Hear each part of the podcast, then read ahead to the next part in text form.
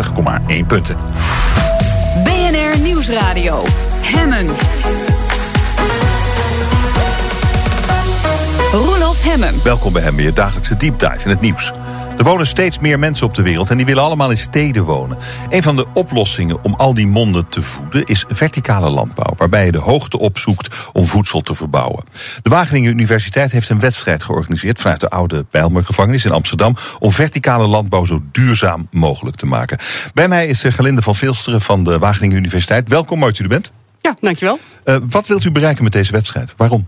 Uh, nou, we organiseren de wedstrijd in het kader van het feit dat Wageningen University uh, 100 jaar bestaat uh, dit jaar. Wat van alles georganiseerd en onder andere deze studenten challenge, die ook de komende jaren zal plaatsvinden.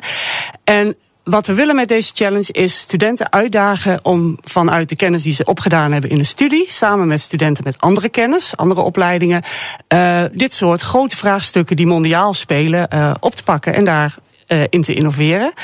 Uh, het leuke ervan, uh, dat ze dat nu aan de, aan de Bijlmer koppelen, is dat je bestaande bebouwing, die herontwikkeld gaat worden, dat je daar ehm, ja, eigenlijk nieuwe kansen in creëert. En daarmee een deel, je gaat hier niet de voedselproductie mee volledig garanderen, maar je kunt wel een bijdrage leveren. Ja.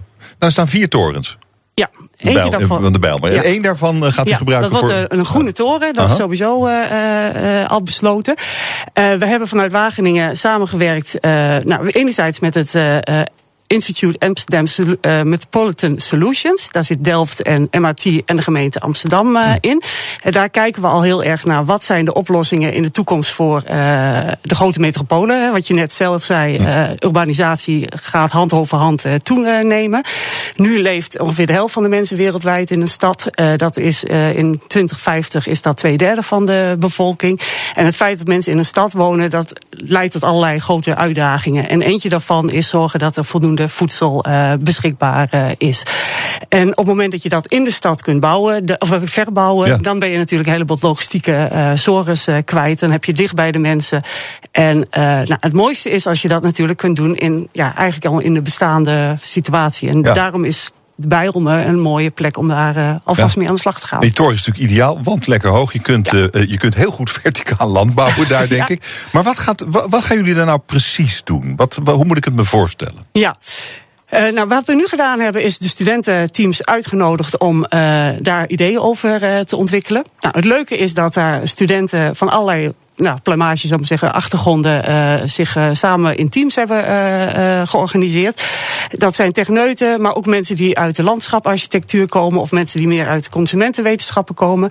dat zijn Wageningsteams, maar ook in Wageningsstudenten in combinatie met de andere technische universiteiten. Een aantal teams uit andere Europese landen, maar ook uit de Verenigde Staten en China. Uh, Brazilië uh, is, uh, zijn de teams afgevaardigd.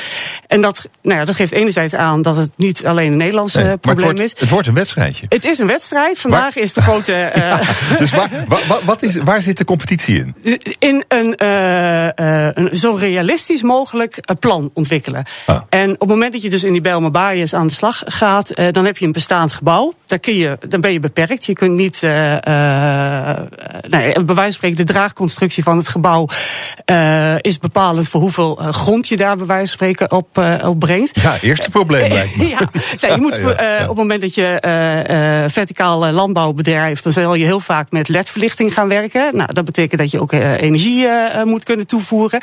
je moet voldoende water kunnen toevoeren en afvoeren. Nou, dat soort vraagstukken, daar zitten heel veel technologische kanten aan. Dus daar heb je een aantal technologiestudenten die daar de, de handen in kunnen, uh, de tanden in kunnen zetten.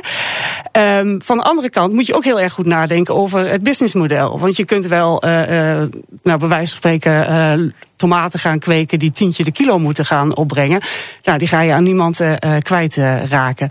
Uh, dus we hebben echt de studententeams uitgedaagd om het hele plan goed door te denken. Uh, inclusief de economische kant, maar ook de, ja, hoe zeg je dat, de, de aansluiting bij de, de mensen in de wijk. Ja. Want dat zijn voor een deel je toekomstige klanten.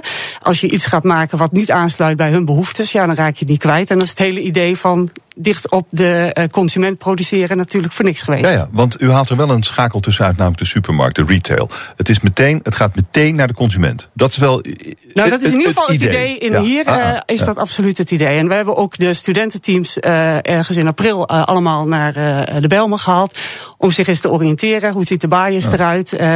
hoe ziet de wijk eromheen eruit? Ja. kun je er wat mee? Nou dat wat zijn de uitdagingen? Ja, van, je, van de mensen eromheen hangt natuurlijk ook af wat je precies gaat maken. Wat, wat, wat willen die mensen allemaal? Dus er is ook een soort marktonderzoek zal ervoor nodig zijn. Absoluut. Ja. U beschreef net een aantal problemen die je met verticale landbouw hebt. Gewoon de draagkracht van het gebouw, water, elektriciteit, noem het allemaal maar op.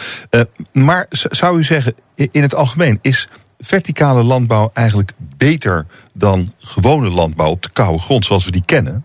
Nee, het is niet het een of het ander. Um, de, de land... Het is wel gecontroleerder, bedoel ik. Het is, het is, er ja, maar zijn ik denk dat je voor uh, de, de landbouw zoals die nu op de akkers uh, plaatsvindt, daar ga je aardappels, tarwe, mais, rijst, uh, dat soort producten. De bulkproducten van de voedselketen, oh, ja. die, die produceer je daar. Dat kun je niet in hoogbouw doen en dat kun je niet in een, een kas doen. Maar datgene wat nu in kassen geproduceerd wordt, denk aan komkommers, paprika's, tomaten. dat kan je uh, natuurlijk wel in de hoogte doen. En dan kun je uh, de, de zon, het zonlicht wat je nu via de kast binnenvangt, dat kan je vervangen door uh, ledverlichting. En nou, ja, dan ben je die, die afhankelijkheid ja. van zonlicht ben je kwijt. En dan kun je gaan stapelen. Het is eigenlijk, zijn eigenlijk gestapelde kassen. Nou, dus dat is heel kort door de bocht. Oh. Een hele goede omschrijving. Maar, maar de, de, de, de, de enorme ervaring en kennis die we in Nederland hebben met tuinbouw in kassen, dat is natuurlijk immens. Um, dus ik, denk, ik weet niet of die Bijlmer Baaienstoren daar tegenop kan. Tegen wat ze in die kassen allemaal doen. Nee, maar ik denk dat je, je het is niet of-of. Het is vooral en-en. Uh, je, je kunt heel veel produceren nou, in Nederland, in het Westland. Uh, je kunt uh, daarnaast natuurlijk best in de grote steden ook producten kweken die inderdaad heel direct naar de wijkbewoners daaromheen een weg vinden. Maar uh, de internationale dimensie hiervan is ook heel erg groot. Uh, de, die metropolen, die, nou, in Nederland valt het allemaal nog wel mee. Hè. We hebben relatief kleine steden, maar als je naar uh, Rio, Mexico, stad, de, de, de, Chinese steden kijkt, die hebben nog wel wat grotere uitdagingen. En ook veel van de kennis die in de, deze teams nu ontwikkelen, hopen we ook dat die de weg daar naartoe gaat. Het is, u, u, kijkt eigenlijk veel meer naar, naar dat soort steden dan naar Amsterdam. Nou, beide. Kijk, want in Amsterdam. Ja. Uh... Maar wat is de behoefte in Amsterdam als we hier het Westland hebben? Het Westland is eh, veel goedkoper, het is hartstikke goed, het gaat de hele wereld over, toch? Wat voeg je dan toe met een flat en verticale landbouw? Ja, als je puur naar prijs kijkt, dan denk ik dat je er inderdaad niet zo heel veel aan toevoegt. Als je naar kwaliteit wat kijkt? ja, naar kwaliteit, maar ook. Uh, uh, op het moment dat je steden vergroent en de uh, verticale landbouw, als je dat in uh, afgesloten ruimtes doet met ledverlichting, is dat misschien wat minder aan de orde. Maar je kunt natuurlijk ook op daken uh, kweken. Je kunt meer bomen binnenhalen waar je eventueel ook van kunt oogsten. Als je dat gaat doen, dan heb je niet alleen de voedselproductie die relevant is, maar er is ook de woonomgeving en het leefklimaat wordt dan een stuk belangrijker. We hebben een hele hete zomer gehad. Hè. Dat heeft ook mhm. weer de discussie opgeleid van uh, hoe kun je met meer groen in de stad uh, het leefklimaat in de stad uh, verbeteren? Dus ik denk dat je die oplossingen voor verticale landbouw in, in een situatie als Amsterdam in een bredere context moet zetten. Als je puur naar kosteneffectief voedsel produceren gaat kijken, dan zijn er efficiëntere oplossingen.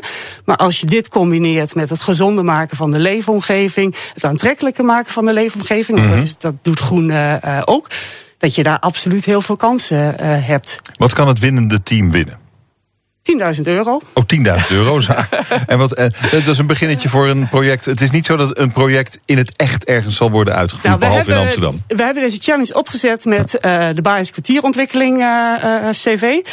dus de architecten en de projectontwikkelaar die zijn heel direct bij betrokken geweest. Die, die zijn nou, eigenlijk betrokken geweest bij de hele opzet, maar ook bij het coachen van de teams. En uh, ja, uiteindelijk, ze gaan natuurlijk geen vrijbrief geven van uh, de, de winnaar, dat gaan we implementeren. Maar, maar leuk, zou wel leuk zijn natuurlijk. dat zou heel leuk zijn. Maar uh, ze, willen, ze nemen dat wel heel serieus mee. En of hele oplossingen of deeloplossingen zullen zeker warm aandacht krijgen. En misschien inderdaad wel tot iets leiden. En dat zou inderdaad geweldig zijn. Denkt u dat, dat zo'n gewas dat verticaal groeit in die gecontroleerde omstandigheden, dat dat lekkerder zou kunnen zijn dan wanneer het uit een kassen van het land komt? Kun je, er, kun je er meer mee doen? uiteindelijk kun je in, in, in een kas uh, opzet kun je ontzettend veel sturen. Uh, met met de nutriënten, met de belichting, met uh, de groeisnelheid, de temperatuur. Uh, daar kun je denk ik veel meer mee doen dan of het nou in de kas of in, het, in een gebouw zit. Het enige waar je misschien nog een, een effect zou kunnen hebben op het moment dat je heel dicht bij de consument teelt, dan kun je veel rijper oogsten, waardoor je ook een betere smaak hebt. He, je, je hebt nu een aantal producten die zacht fruit, of nou, bananen is natuurlijk ook een goed voorbeeld, die worden om, die worden onrijp geoogst, omdat ze nog heel erg uh, lang uh, dan worden ze, nooit, worden ze nooit meer lekker. nou, dat is niet, niet waar. Daar hebben we ook heel veel technologie oh. voor om dat goed te controleren. Maar uh, nou, daar zou nog wel dat zou voordeel kunnen zijn. Zou kunnen zijn, ja. Nou, ik wens u een hele fijne wedstrijd toe. Hartelijk dank voor dit gesprek. Gerlinde van Vilster van de Wageningen Universiteit. Dank u wel. Dank. En zometeen, het parlement zou een stuk democratischer moeten zijn, vinden kritische D66-leden. BNR Nieuwsradio. Hemmen. Van goed naar beter. Er gaat heel veel goed in ons land, maar laten we vooral ambitieus blijven. Het kan altijd beter. Vandaag in Van Goed naar Beter onze democratie. Met de afschaffing van het raadgevend referendum hebben we een democratisch middel verloren. En daarom is het hoog tijd dat de Eerste en de Tweede Kamer hun functioneren flink verbeteren. Vinden kritische D66-leden, onder wie mijn gast Gert-Jan Geling is bij me. Welkom, mooi dat u er bent. Dankjewel. Uh, historicus, docent integrale veiligheidskunde aan de Haagse Hogeschool... en actief D66-lid en kritisch D66-lid. Wat is er mis met het democratisch gehalte van ons parlement op dit moment, vindt u? Nou, een aantal uh, zaken. Een van de dingen als het gaat over het parlement... Uh, wat er nu mis mee is, is dat de fractiediscipline vrij sterk is. Hè. Daardoor kunnen individuele uh, Kamerleden eigenlijk, uh, die moeten in de lijn lopen met wat de fractie vindt. Hè. Er is weinig ruimte voor verschillende stemmen in fracties. Waarom is dat slecht? Nou, waarom is dat slecht? Omdat er uiteindelijk in elke politieke partij heel veel verschillende ideeën zijn, verschillende stromingen. Uh, en bovendien, uh, kiezers of Kamerleden hebben een mandaat van de, van, van de kiezers gekregen. Maar uiteindelijk zijn het de partijen en de partijleiding aan het eind van de rit die beslissen wat er gebeurt. Er worden er coalities gevormd, er worden helemaal coalitieakkoorden worden dichtgetimmerd. En vervolgens worden die debatten, die worden eigenlijk niet meer echt gevoerd in de Tweede Kamer. Maar die worden eigenlijk gevoerd op de fractiekamers. daar worden eigenlijk de afspraken gemaakt hoe een, een fractie stemt. Dat gebeurt in de Tweede Kamer. De, de coalitie die heeft het dan allemaal goed voor elkaar. En de oppositie die staat erbij te kijken. En dat is niet heel gezond in een parlementaire democratie, vinden Ik moet opeens aan de discussie over de dividendbelasting denken. U ook? Ja, nou ja daar speelt het inderdaad. Dat is, dat is, een extreem voorbeeld, denk ik. Hè, van, van, van, een bijzondere casus. Maar we zien dat natuurlijk eigenlijk elke, elk kabinet eigenlijk dat het opnieuw gebeurt. Daarentegen hebben we bij een vorig kabinet wel bijvoorbeeld gezien dat uh, toen er een de meerderheid in de Eerste Kamer ontbrak, dat er wisselende meerderheden met de oppositie gevonden moesten worden. En dat lijkt me veel gezonder. Dus je moet bijvoorbeeld ook als kabinet dan durven om minderheidsregeringen eh, aan te gaan. Maar nog even bij, bij die fractiediscipline. Want wat krijg je dan? Dan krijg je, uh, denk ik, nog veel langere debatten. Dat zou kunnen, maar in het verleden hebben we bijvoorbeeld uh, gezien dat, uh, dat fracties ook meerdere woordvoerders op een bepaald thema hadden. Dus dat met meerdere stemmen soms werd gesproken. Hè, om nieuw om te laten zien hè, van er bestaat ook diversiteit, verschillende visies binnen uh, die partij. Maar wat is daar nou precies het voordeel van? Het voordeel is daarvan is dat het eenmaal ook de politieke realiteit is. En dat ook kiezers zich kunnen herkennen in die verschillende perspectieven. En niet dat je van tevoren eigenlijk al weet van op deze manier is het geregeld uh, en, en, en, het debat blijft eigenlijk uit. Het debat wordt eigenlijk vooral in de achterkamertjes gevoerd. Hm. En niet eigenlijk op de plek waar het moet gebeuren, in het parlement. Ja, maar is het ook niet eh, helder en duidelijk als uh, bijvoorbeeld de D66-fractie in de Tweede Kamer één heldere visie heeft? Het zou toch gek zijn als twee D66-woordvoerders met elkaar in debat zouden gaan op hetzelfde onderwerp? Nou, ze hoeven niet per se met elkaar in debat te gaan. Je kunt ook natuurlijk, je gaat met andere politieke partijen. Ga je natuurlijk ook in, uh, in debat in de, in de Kamer uiteindelijk. Maar je laat zien uh, dat, uh, dat het niet alles per definitie helemaal dichtgetimmerd hoeft te zijn. En dat je ook ruimte laat aan alternatieven. Maar hoeveel ruimte? En dan wat voor alternatieven? Hoe ver mag iemand dan gaan, vindt u? Dat is een goede vraag. Ik zit zelf op dit moment niet in de, in de Tweede Kamer, dus ik ga er ook niet uh, over. Maar we vinden in ieder geval hè, van er moet meer ruimte bestaan uh, voor verschillende visies. Er moet meer eigenlijk gedaan worden om die fractiediscipline. Eigenlijk uh, ja, toch dat, dat, dat, dat de, de macht van politieke partijen. Uh, om daar toch ook eigenlijk wat aan te doen. Ja, maar ja, meer invloed voor de kiezer op die ja, manier. Maar het is interessant wat u zegt, want een Kamerlid wordt gekozen uh, om, om zich te gedragen, hoe noemen, hoe noemen ze dat? Zonder last en ja, rugspraak. Dus je, je bent vrij als Kamerlid om te zeggen en te vinden wat je wilt. Klopt. In theorie. In de praktijk zegt u, is daar de fractiediscipline. Ja. Maar dan is de vraag dus relevant. Hoeveel vrijheid kan een individueel Kamerlid dan nemen in uw plan? Mm -hmm. Hoe ver mag je gaan? Ja, kijk, in sommige landen, bijvoorbeeld neem de Verenigde Staten, heb je natuurlijk, hè, daar zijn mensen verkozen vanuit een bepaald uh, kiesdistrict. Uh, dan heeft men nog wel altijd een bepaalde mate van fractiediscipline, maar senatoren of congresleden kunnen ook een afwijkend standpunt innemen vanuit een uh, politieke partij. We hebben in het verleden ook wel eens dissidenten gezien in de Tweede Kamer, ook in de, in de Eerste Kamer. En opnieuw, dat hoeft niet per se iets slechts te zijn. Wij denken altijd van dat dat iets slechts is. En ja, in een kabinet met 76 zetels is het natuurlijk iets problematisch als één Kamerlid ja. afwijkend stemt. Ja. Maar opnieuw, hè, dan kom je bij het punt van ja, je moet ook uh, durven. Te regeren, ook misschien vanuit een, een, een minderheid. En dat je niet altijd een dichtgetimmerde coalitieakkoord met een meerderheid ja. hebt. Is natuurlijk een paar jaar gebeurd. Het ging eigenlijk best ja. goed, toch? Dat ging best goed. Ja. En ook in landen waar dat automatisch gebeurt, sommige Scandinavische landen, nou, dat zijn natuurlijk niet de meest dingen dysfunctionele. Je hebt hele gezonde democratieën. Dus daar zou wel degelijk ruimte voor moeten bestaan.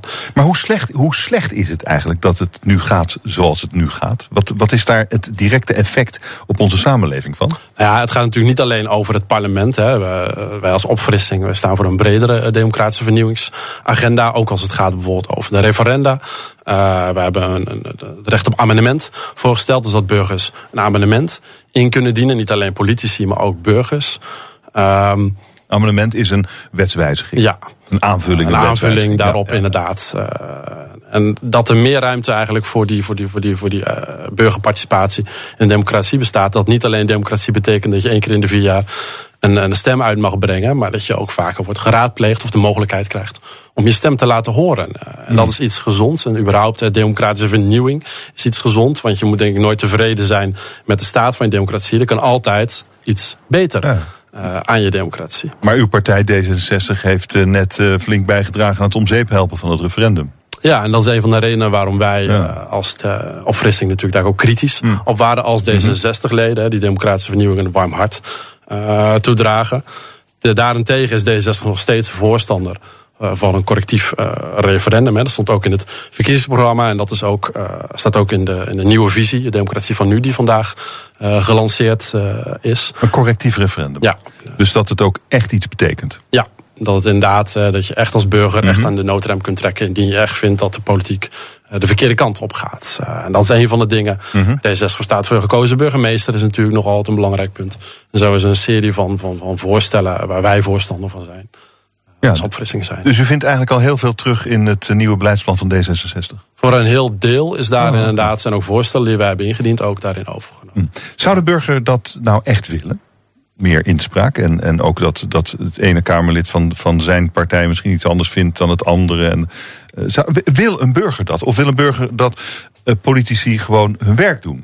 Ik denk dat het afhangt van welke burger je spreekt. We hebben natuurlijk niet één Hmm. soort burger. En als je ook kijkt naar verschillende vormen van, van, van, van democratische vernieuwing. Bijvoorbeeld hoger opgeleiden zijn weer voorstander van andere vormen van democratische vernieuwing dan lager en middelbaar opgeleiden. Het referendum was bij uitstek, uitstek uh, een instrument waar vooral lager en middelbaar opgeleiden, opgeleiden gebruik van maakten. En dat is nu afgeschaft. Een andere vorm van bijvoorbeeld allerlei burgerfora zijn weer zaken waar hoger opgeleiden sneller gebruik van maken. Dus je hebt niet te maken met één burger, niet met één kiezer. Dus je moet eigenlijk inzetten op verschillende vormen van, van democratische vernieuwing. Wil je al die verschillende groepen burgers in je samenleving betrokken houden bij je democratie? Ja, dat is natuurlijk ook wel de kritiek die je zou kunnen hebben. In de Tweede Kamer zitten vooral hoger opgeleiden. En die uh, hebben het referendum ja. van de lager opgeleiden om ja. zeep geholpen. Ja, zeker. Ja, ja. Uh, Oké, okay. maar misschien ook wel met een reden. Kijk naar de Brexit. Ja. Waarvan iedereen nou zo langzamerhand buiten Groot-Brittannië wel vindt dat het een slecht idee was. En dat is een van de punten die wij ook van het begin af aan op Offrissing hebben uitgedragen. dat we ons zorgen maken over de tendens onder met name hoger opgeleiden. Hmm. En eigenlijk een afkeer krijgt van, die, eh, van, van referenda en van inspraak, juist van die lage middelbaar opgeleiden. Die soms gewoon afwijkende visie hebben. Maar dat hoort erbij. Dat is, dat is de essentie van een democratie. Iedere stem is gelijk aan elkaar. Alle mensen hebben één stem. Um, en die moet je allemaal ook serieus uh, nemen. En je kunt dan niet zeggen volgens oké, er zijn een aantal referenda geweest. En die zijn niet misschien uitgepakt, die hebben niet uitgepakt zoals wij dat graag zouden willen. En daarom zijn we daar maar klaar mee en vinden we dat hele instrument niks. Terwijl we ook gewoon referenda hebben gezien, bijvoorbeeld het referenda op de wet inlichting en veiligheidsdiensten, waar dat uitstekend, die wet uitstekend heeft gefunctioneerd. Burgers constructieve voorstellen hm. hebben ingediend, signaal hebben afgegeven aan de politiek en de politiek dat over heeft genomen. Dus we hebben wel degelijk gezien dat het wel goed kan functioneren. En het hoeft niet alleen maar een brexit-drama te worden. Hm. Jullie zijn inmiddels bij opfrissing, eh, dus eh, de kritische D66-leden, met z'n 400 ongeveer. Ja, om nabij inderdaad. Dat zijn de mensen die echt bij opfrissing betrokken zijn, er lid van zijn. Maar de groep sympathisanten binnen D66 is wel breder dan dat. Dus dan uh, zou er, is, is 400 genoeg om uh, dingen te veranderen? Nou ja, we hebben, uh, vandaag wordt dus, laat vandaag wordt die visie officieel gepresenteerd in Den Haag. We hebben in oktober een congres. Daar worden resoluties ingediend. En dan gaat het echt over de, wat zijn nou echt, wat, wat komt er voor de komende jaren op de agenda van D66 te staan. Daar gaan wij natuurlijk op frissing gaan we proberen actief uh, ja, ons daar tegenaan te bemoeien. We zijn voor een deel heel positief over wat er nu al ligt. Maar sommige onderwerpen kunnen wel degelijk scherper. En dat gaan we ook proberen aan te scherpen. En dat uh, met, met, met ja, een gemotiveerde hm. groep actief participerende D66'ers hopen we dat ook daadwerkelijk te kunnen doen. Hartelijk dank voor dit gesprek. Gert-Jan Geling van 60,4 punten. BNR Nieuwsradio. Hemmen. Roelof Hemmen. Fijn dat je luistert naar Hemmen, je dagelijkse deep dive in het nieuws. De toekomst van het wegtransport, elektrisch aangedreven vrachtwagens, die zijn er al. En straks rijden ze ook nog rond zonder chauffeur. En de toekomst is misschien wel dichterbij dan je denkt. Lori Tavassi is bij mij, hij is hoogleraar goederenvervoer en logistiek aan de TU Delft. Dag meneer Tavassi, fijn dat u er bent. Laten we straks naar de toekomst gaan kijken. Maar eerst even naar de logistiek nu. Uh, ons transport gaat uh, vrachtwagen, spoor, water. Dat is het wel zo'n beetje. In welke verhouding? Vrachtwagens hebben het grootste aandeel. Uh, laten we zeggen 70 procent grofweg. binnenvaart heeft een groot stuk, vooral in het achterland van Rotterdam. Het aandeel van spoor is vrij klein, enkele procenten. Is dat naar uw gevoel een goede verdeling? hangt vanaf wat je doel is natuurlijk. Eh, voor de eh, logistiek is het de beste verdeling. Want eh, er is nog steeds vrije verladerskeuze. Dus bedrijven kiezen de modaliteit die hun het beste uitkomt. En is dan geld vooral de aandrijving? Ja, dus efficiëntie van de logistiek en ja, de consument op tijd kunnen beleveren met de nodige flexibiliteit, goederen in een goede toestand en de nodige ja, persoonlijke begeleiding bij het afleveren. Ja, ja, je hoort altijd dat het, uh, het spoor eigenlijk en, en de binnenvaart meer benut zouden moeten worden. Wat, wat zijn de drempels daarbij dan? Dat dat ja, vanuit milieuoogpunt is dat natuurlijk een, eh, een belangrijk onderdeel van, hmm. van het transport. Dat als je, als je meer goederen op één modaliteit kunt zetten, dan heb je per ton goederen vervoerd, heb je minder kilometers af te leggen met modaliteiten die ook minder vervuilend zijn. Dus uh, waarom het niet gebeurt? De belangrijkste reden zit nog steeds bij de verladers en de vervoerders, die, of de logistiek dienstverleners, die een keuze maken over de in te zetten modaliteit. En logistiek is blijkbaar binnenvaart en spoor niet altijd de beste oplossing. Nee, nee. nee. Um, Oké, okay, er zijn wel een paar dingen aan het veranderen. U noemde eigenlijk al de CO2-emissie. Uh, dat zal naar beneden moeten. Ja. En het wegvervoer heeft daar dan een belangrijk aandeel in. Ja, dus uh, de, de doelstelling is enorm. 80 tot 85 procent minder ja. op termijn. En uh, dat gaat niet zomaar lukken met een stukje meer efficiëntie. Dus een van de geheime wapens die we nog hebben is het laten verschuiven naar andere modaliteiten. Nou, zo geheim is het eigenlijk niet meer. We proberen het al 30 jaar. Ja. Maar nu zal het toch al een keer moeten gebeuren, want maar, de bijdrage is nodig. Ja, maar het is interessant wat u zegt, want de, de, de vervoerders de planners, die, die, gaan, die gaan het niet vanzelf doen. Dus wat is er nodig om, uh, om het te laten verschuiven naar spoor, naar binnenvaart, maar misschien ook naar schoon, efficiënter wegtransport? Wat denkt u dat, hoe denkt u dat de toekomst eruit zal zien? Ja, de, ik denk in eerste instantie is er natuurlijk een impuls om de efficiëntie te verhogen. Door bijvoorbeeld meer ladingen, minder vrachtwagens te vervoeren. Dat is natuurlijk ook in het belang van de sector zelf. En dat is ook in het belang van de consument, want daardoor gaan de kosten omlaag van het transport. Dus die impuls is er al en die zal ook voor het milieu winst opleveren. Daarnaast uh, zie je dat bedrijven langzamerhand zich meer verantwoordelijk gaan voelen voor de milieueffecten van hun vervoer. corporate social hm. responsibility noemen we dat. En um, in dat kader gaan bedrijven ook sustainability managers inzetten om langzamerhand ook naar de logistiek en het transport te gaan kijken. Dus green supply chain management is een steeds groter onderwerp aan het worden. Uh, eigenlijk uh, kunnen we daar best een behoorlijke hoeveelheid CO2 mee besparen. En wordt het ook voor de klant efficiënter.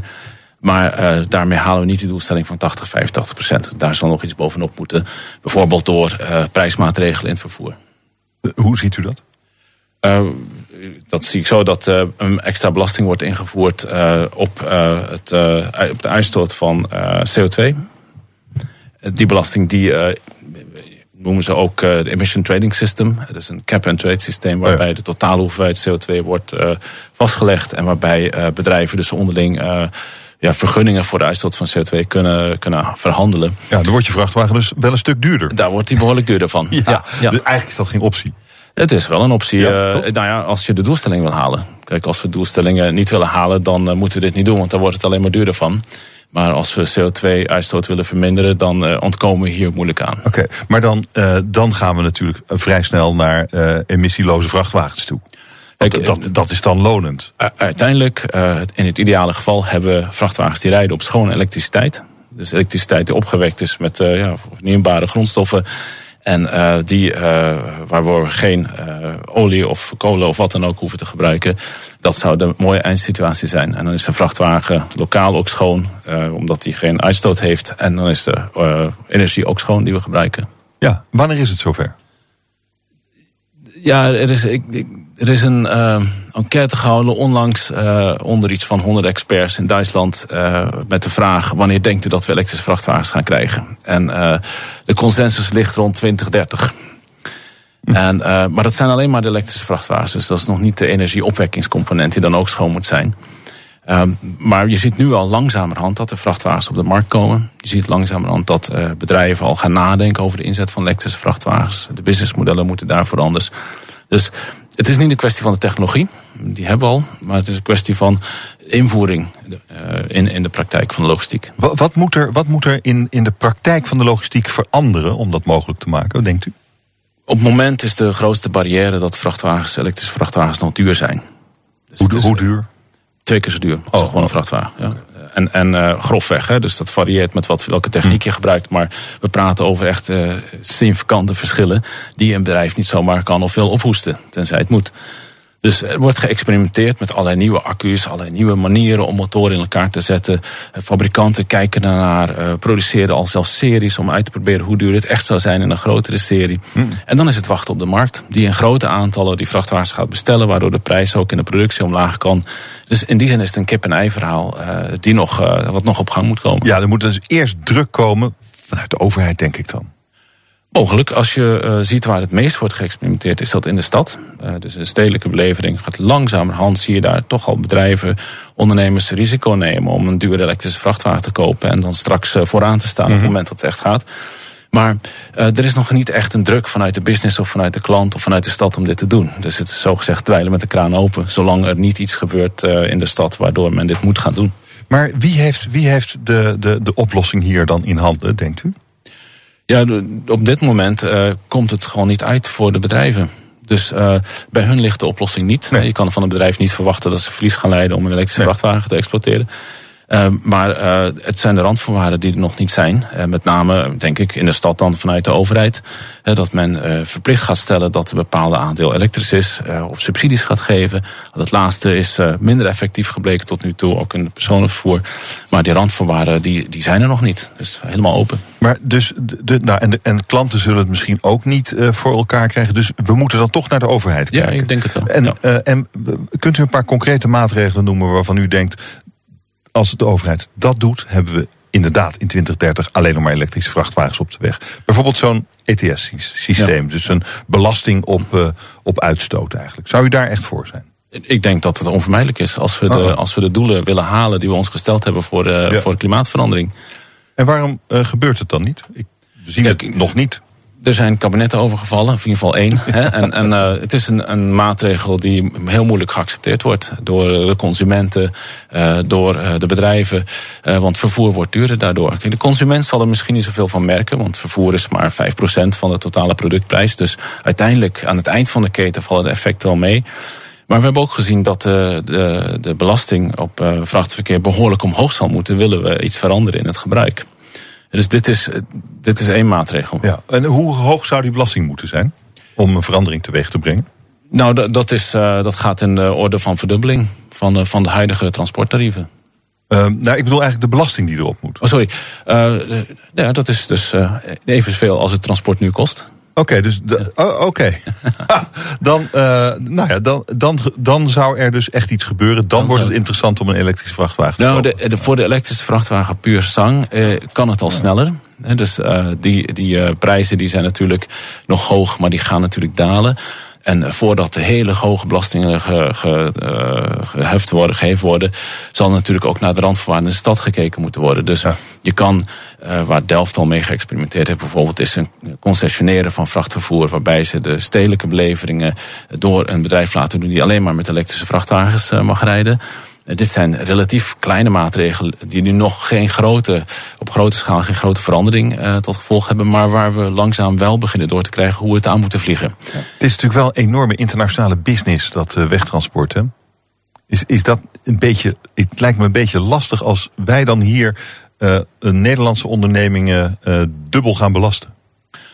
Nou ja, Nederland is nu het enige land in Europa wat niet echt een, belasting, extra belasting heft op kilometers van, uh, van vrachtwagens. Dus we hebben het oh. Europese Eurovignet, maar bijna alle landen in, in om ons heen uh, hebben uh, zo'n heffing. En dat is Duitsland ook. Die zien vooral doorvoer natuurlijk van allerlei vrachtwagens van alle landen, behalve Duitsland. En daar gaan ze, dat gaan zijn ze aan het belasten. Dus daar is de mout voor in het leven geroepen. En zo zijn alle landen daarmee bezig. Ook Nederland studeert er nu op. Maar um, ja, de invoeringsproblematiek is, is zodanig dat uh, men dat heel voorzichtig wil doen. Dus uh, kleine tariefveranderingen voorlopig. Maar die hebben weer weinig effect. Dus dan zit je met een soort catch-22 ja, ja. van wat willen we nou bereiken? En als we hele kleine heffingen doorvoeren, ja, dan zien we weinig effect. Maar dan, de kosten zijn natuurlijk ook groot van zo'n systeem. Dus komt het dan allemaal wel uit. Het is een, een, eh, een lastig op gang te brengen proces.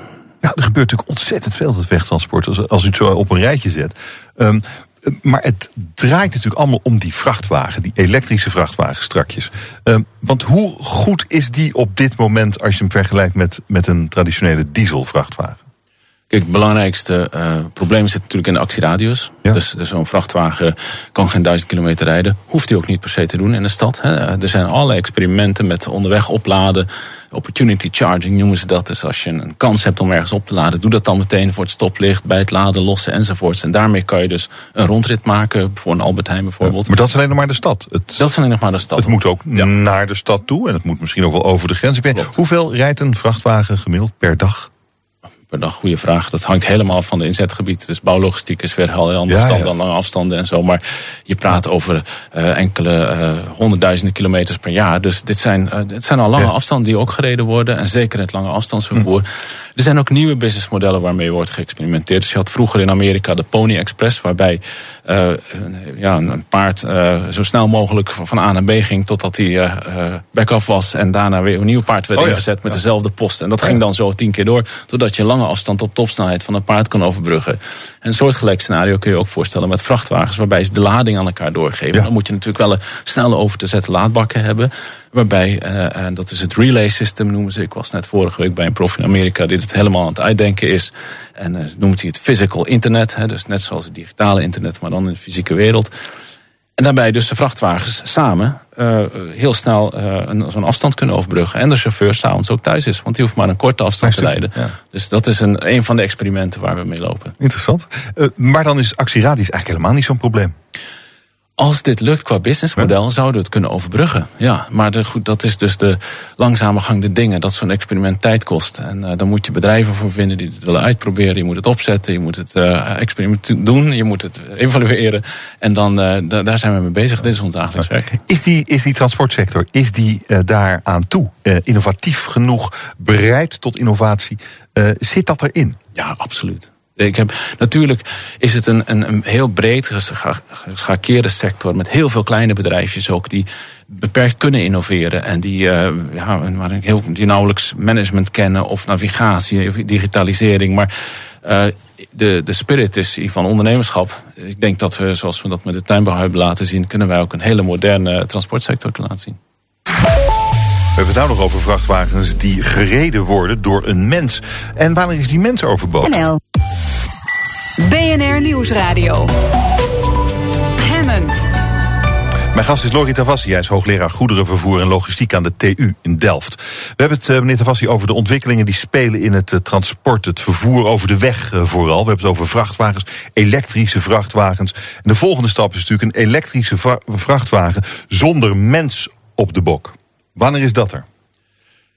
Dat duurt nog even. Uh, we hebben ook gezien dat uh, met uh, personenvervoer het niet vanzelf gaat om het, om het in te voeren. niet alleen problemen in het verkeer zelf, maar ook met technologie zelf is niet vanzelfsprekend. En met vrachtverkeer komt daar nog eens bij dat de chauffeur ook een dienstverlener is die, die bij de lading zit en die helpt om in en uit te laden. soms moet er Nederlands gesproken worden. er zijn nog zoveel vragen rond de logistiek, hoe we dit in gaan passen.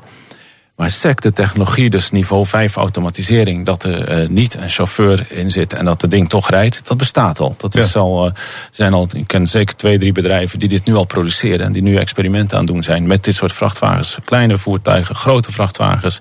En, en uh, dat, dat, komt, dat technologie is gewoon beschikbaar. Maar het probleem zit, kunnen we, kunnen we de chauffeur missen? Dat, dat is de grote vraag. Uh, en, en daar zijn we nog niet achter. In hoe, op welke segmenten precies zo'n vrachtwagen nou makkelijk ingezet kan worden. Kijk, als het een, een kwestie is van uh, automatisch laden op een terminal en automatisch lossen op een andere terminal waar geen toezicht bij nodig is, dan kan het natuurlijk volledig geautomatiseerd. Als de kwestie is van een belevering bij een winkel waarbij gecheckt moet worden of het goede pakketje er is, waarbij de laatste meter zelfs overbrugd moet worden, niet alleen maar het stuk uh, naar de winkel toe. Uh, maar waarbij iemand achterom moet lopen met een steekkar om een halve pallet weg te brengen. Dat zie ik een automatische vrachtwagen nog niet doen. Dus daar moeten we nog wat extra dingen bij verzinnen. Oké, okay, maar dat zou dan toch het personeel van die supermarkt kunnen doen? Wellicht, ja. En dan moet je de vrachtwagen openstellen. Dan moet dat weer goed achtergelaten worden, zodat de vrachtwagen verder kan. Het moet allemaal veilig zijn. Dus mogelijkheden genoeg. Alleen uh, hier, hierover hebben we nog weinig kennis. En de bedrijven zelf uh, die dit soort vrachtwagens maken zijn meer bedrijven uit de, uit de uh, automotive sector en minder bedrijven uit de logistieke sector. Dus die hebben nog relatief weinig nagedacht over de logistieke context van zo'n vrachtwagen.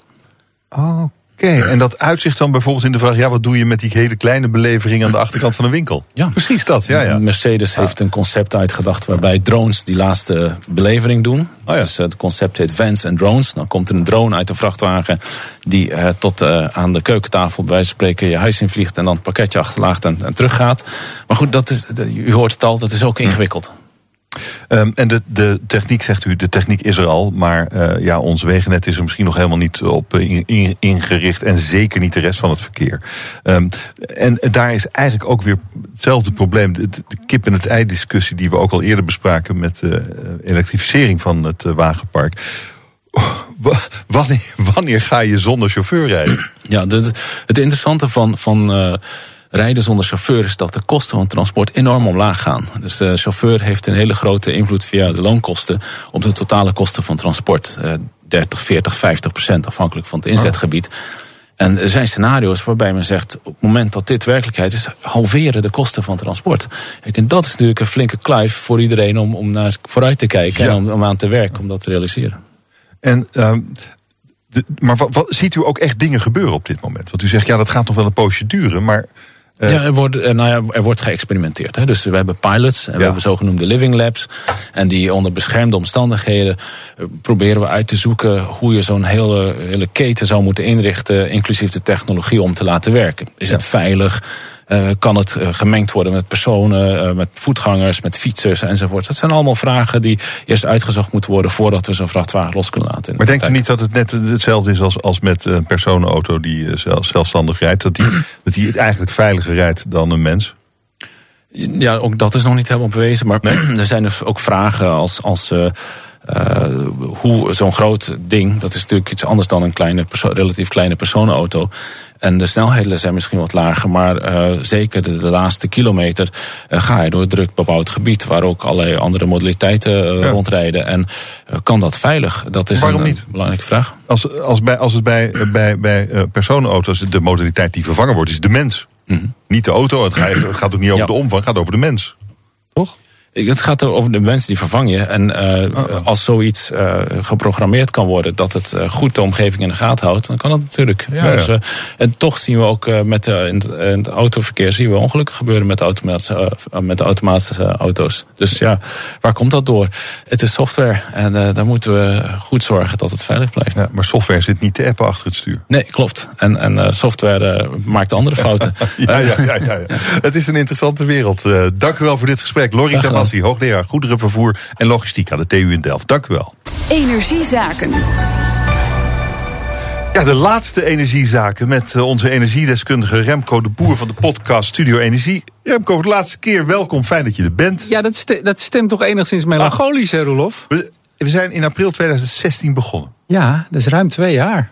En er zijn wel een paar dingen veranderd, vermoed ik. Laten we de balans opmaken in deze laatste energiezaken. Wat is er in de afgelopen twee jaar in jouw wereld veranderd? Nou, om een hele praktische te noemen, dat is eigenlijk wel een hele leuke. Toen wij begonnen, letterlijk stond de CO2-prijs, de prijs die je moet betalen om een ton CO2-uitstoot, op 5 euro. En daar hebben we het toen ook vaker over gehad. Van ja, die prijs was niks. Dat was bijna gratis. Die bedrijven die deden maar. Gisteren stond hij op 21 euro.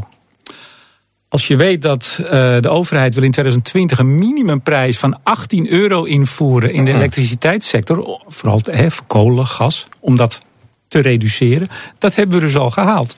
Dus nou, dat is één ontwikkeling. Hè? Dus dat de prijs van het uitstoten, heel erg belangrijk om die, om die reductie voor elkaar te krijgen. Hoe duurder het is, ja, dan gaan bedrijven denken, we, moet, we moeten wat anders. Mm -hmm. We moeten innoveren.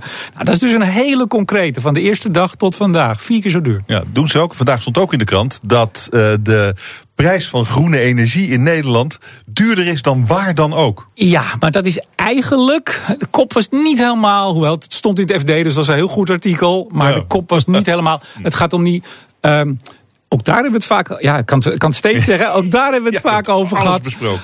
Groene energie is pas groene energie als je een, um, uh, een soort oorsprongscertificaat hebt. En wat zie je nou in Nederland gebeuren? Dat is op zich heel goed de druk vooral van bijvoorbeeld milieuorganisaties zeiden... we moeten niet van die Schumelstroom... we moeten niet een certificaatje uit het, uh, uit, uh, van, van uh, hoe heet het, waterkrachtstroom uit Noorwegen. Dat, dat voegt niks toe, dan is het wel officieel groen. Maar niet, we moeten Hollandse wind, Hollandse zon. En nu zie je dat heel veel bedrijven, maar ook gemeenten... Mm -hmm. die willen Hollandse zon en wind.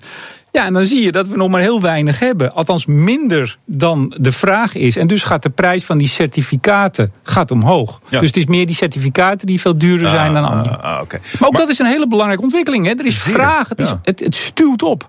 Ja, want aan de andere kant zien we natuurlijk dat uh, bijvoorbeeld de windparken vrij succesvol zijn geworden in het terugbrengen van de kosten van aanleg.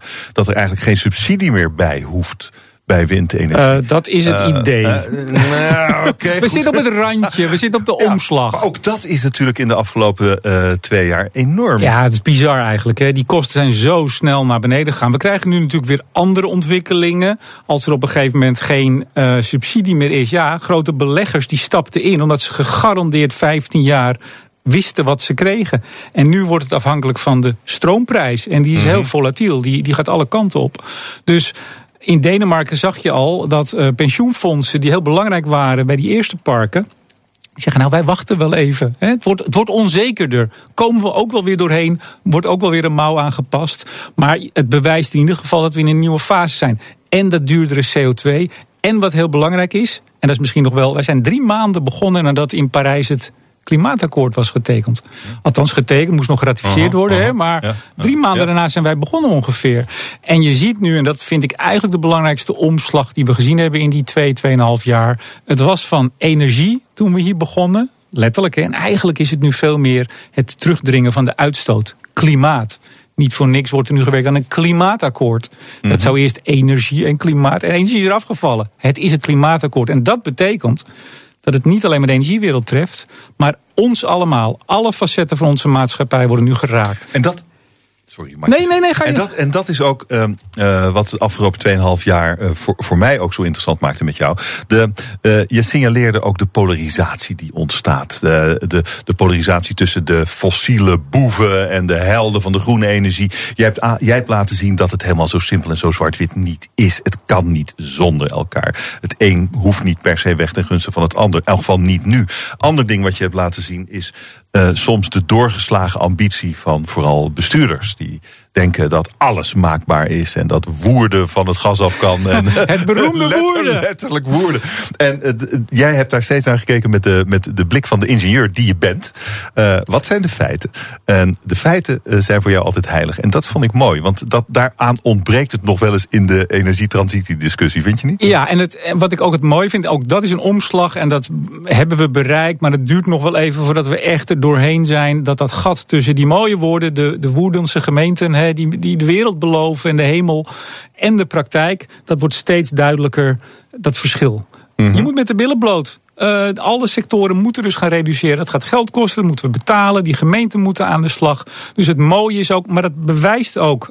sorry bewijst ook dat het volwassen is, dat het een volwassen onderwerp is. Het is ook een politiek onderwerp. Hè? Dat is de laatste ontwikkeling die je natuurlijk heel erg hm. duidelijk ziet. Het verdelingsvraagstuk. Het is een politiek onderwerp geworden. Sibrand Buma, daar hadden we het de ene laatste keer over. Die ineens zei, ja mensen, het moet wel. Hè? We moeten geen tweedeling à la de Pim Fortuyn revolte ja. krijgen. Ja. De SP die, zich, die ageert tegen klimaatrecht of onrechtvaardigheid. Dus het is een volwassen, in die twee jaar is het een volwassen onderwerp geworden op de politieke agenda.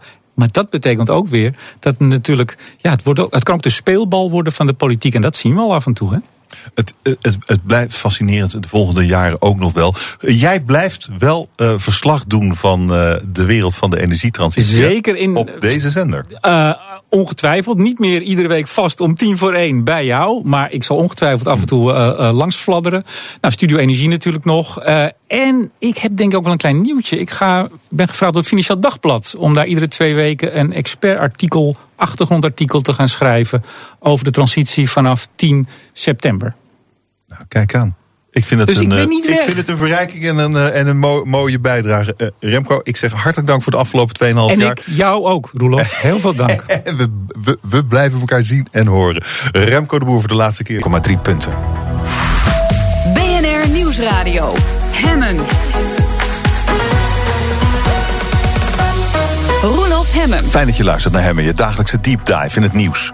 Kunstverzamelaar Joop van Kaldenborg wilde zijn omvangrijke collectie graag aan het grote publiek laten zien. En daaruit ontstond Museum Voorlinden in Wassenaar. Dat nu al twee jaar volledig zonder subsidie draait.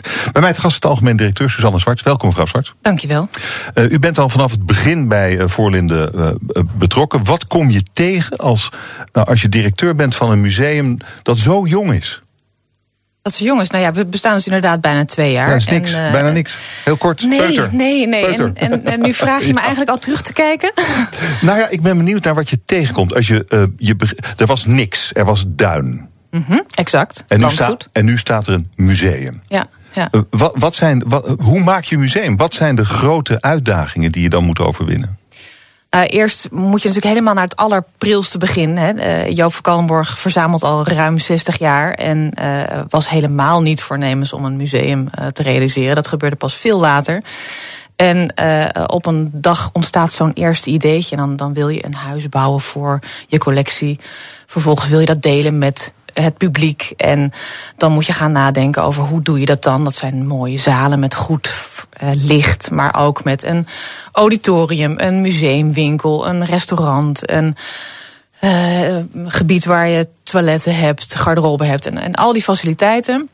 Samen uh, maken een soort van lijst van eisen en wensen. En dat leidt tot een ontwerp, een tekening en uiteindelijk tot een, een heel bouwtraject. En op een gegeven moment staat er dus inderdaad een gebouw op een terrein wat eerst ja. uh, gras en duin was. En ja. dan moet je dat in gaan richten. En dan heb je die, die verzameling, 60 jaar. Ja. Is, is deze man kunst aan het verzamelen.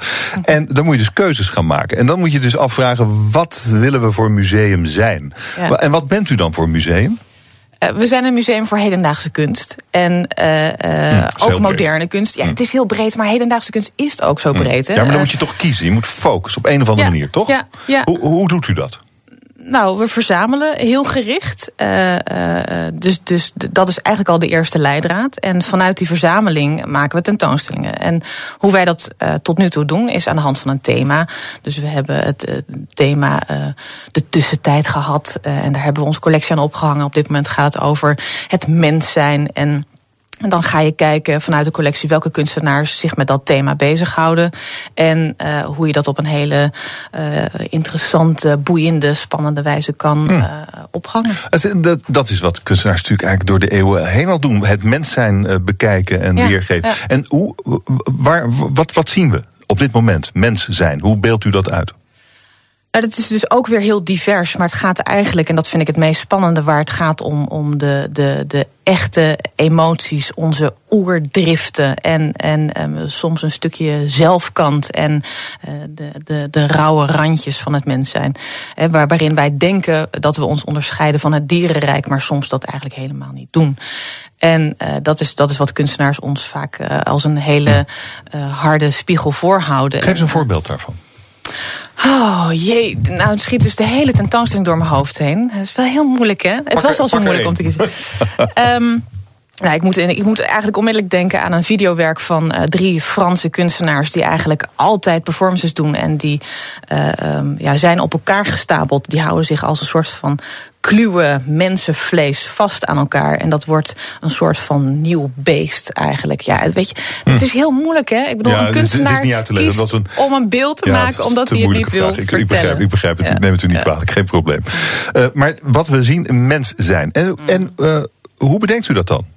De tussentijd, mens zijn. Zit u dan op een gegeven moment eh, naar de duinen te kijken en denkt van, hé, ja, mens zijn. Hoe gaat dat? Hoe kom je bij zo'n. Want je moet. Je, ja. Die kunst, al die kunst, die 60 jaar, het product van die 60 jaar, moet het, het moet allemaal een keer getoond worden, denk ik. U moet die keuzes ja, maken. Ja.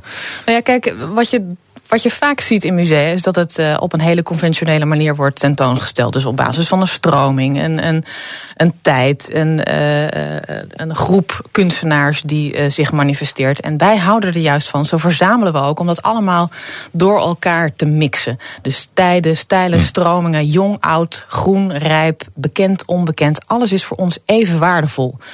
En uh, vanuit dat uh, oogpunt presenteren we het ook. Dus we merken dat, dat hele jonge uh, kunstenaars die nog geen naam en faam hebben, het fantastisch vinden om naast een hele beroemde Counelles te hangen, of een Louise Bourgeois te hangen, of een, een Mondriaan te hangen. Want ook dat zit in onze verzameling. En die mix, daar word ik heel erg gelukkig van. En we merken dat ons publiek dat ook fantastisch vindt, omdat ze op die manier ja, geprikkeld worden om te associëren en om, om verder te kijken dan uh, de naam waarmee uh, een, een, tentoonstelling gepromoot wordt. Uh, je, je, je leert meer, je wordt geïnspireerd en dat merken wij. Dat is ook een van de drijfveren waarom we verzamelen. Wat, wat het verzamelen zo leuk maakt. Het ontdekken. En dat wat net geschilderd is, wat nog nat aan de muur druipt. Uh, dat als eerste te mogen beoordelen. Dat is, dat is de, de, de grootste hmm. motivatie om, om je vooral te richten op hedendaagse kunst. En, en dat kunnen voorschotelen aan een publiek. Dat is eigenlijk. Hmm. Uh, nou, wat mij zo drijft dit te doen. Ja, u zegt ook we verzamelen. Uh, ik denk dat u dan bedoelt uh, uh, meneer Van Kaldenborg en ja. u zelf. Bent u ook zijn inkoper? Of hoe, hoe nou, ik weet niet hoe dat, dat gaat in, in heel erg. Nee, dat klinkt heel erg. Nee, nee Joop verzamelt zelf. zeker, dat doet hij waanzinnig goed. En uh, um, daarnaast reizen we veel samen. We bezoeken musea, galeries, kunstenaars, vooral studio's. Dat is het allerleukste. En als we dan samen zijn, dan overleggen we graag met elkaar van... goh, als we iets zouden willen verwerven, wat zou het dan zijn? En uh, dan, is het, uh, dan vindt Joop het natuurlijk ook belangrijk om te weten van... oké, okay, zou je het willen presenteren in het museum? Mm -hmm. Dat is dan een, een van de voorwaarden om, om het te kunnen verwerven. Uh, dus daar hebben we dan overleg over. Maar um, hij is bovenal degene die verzamelt. Ja.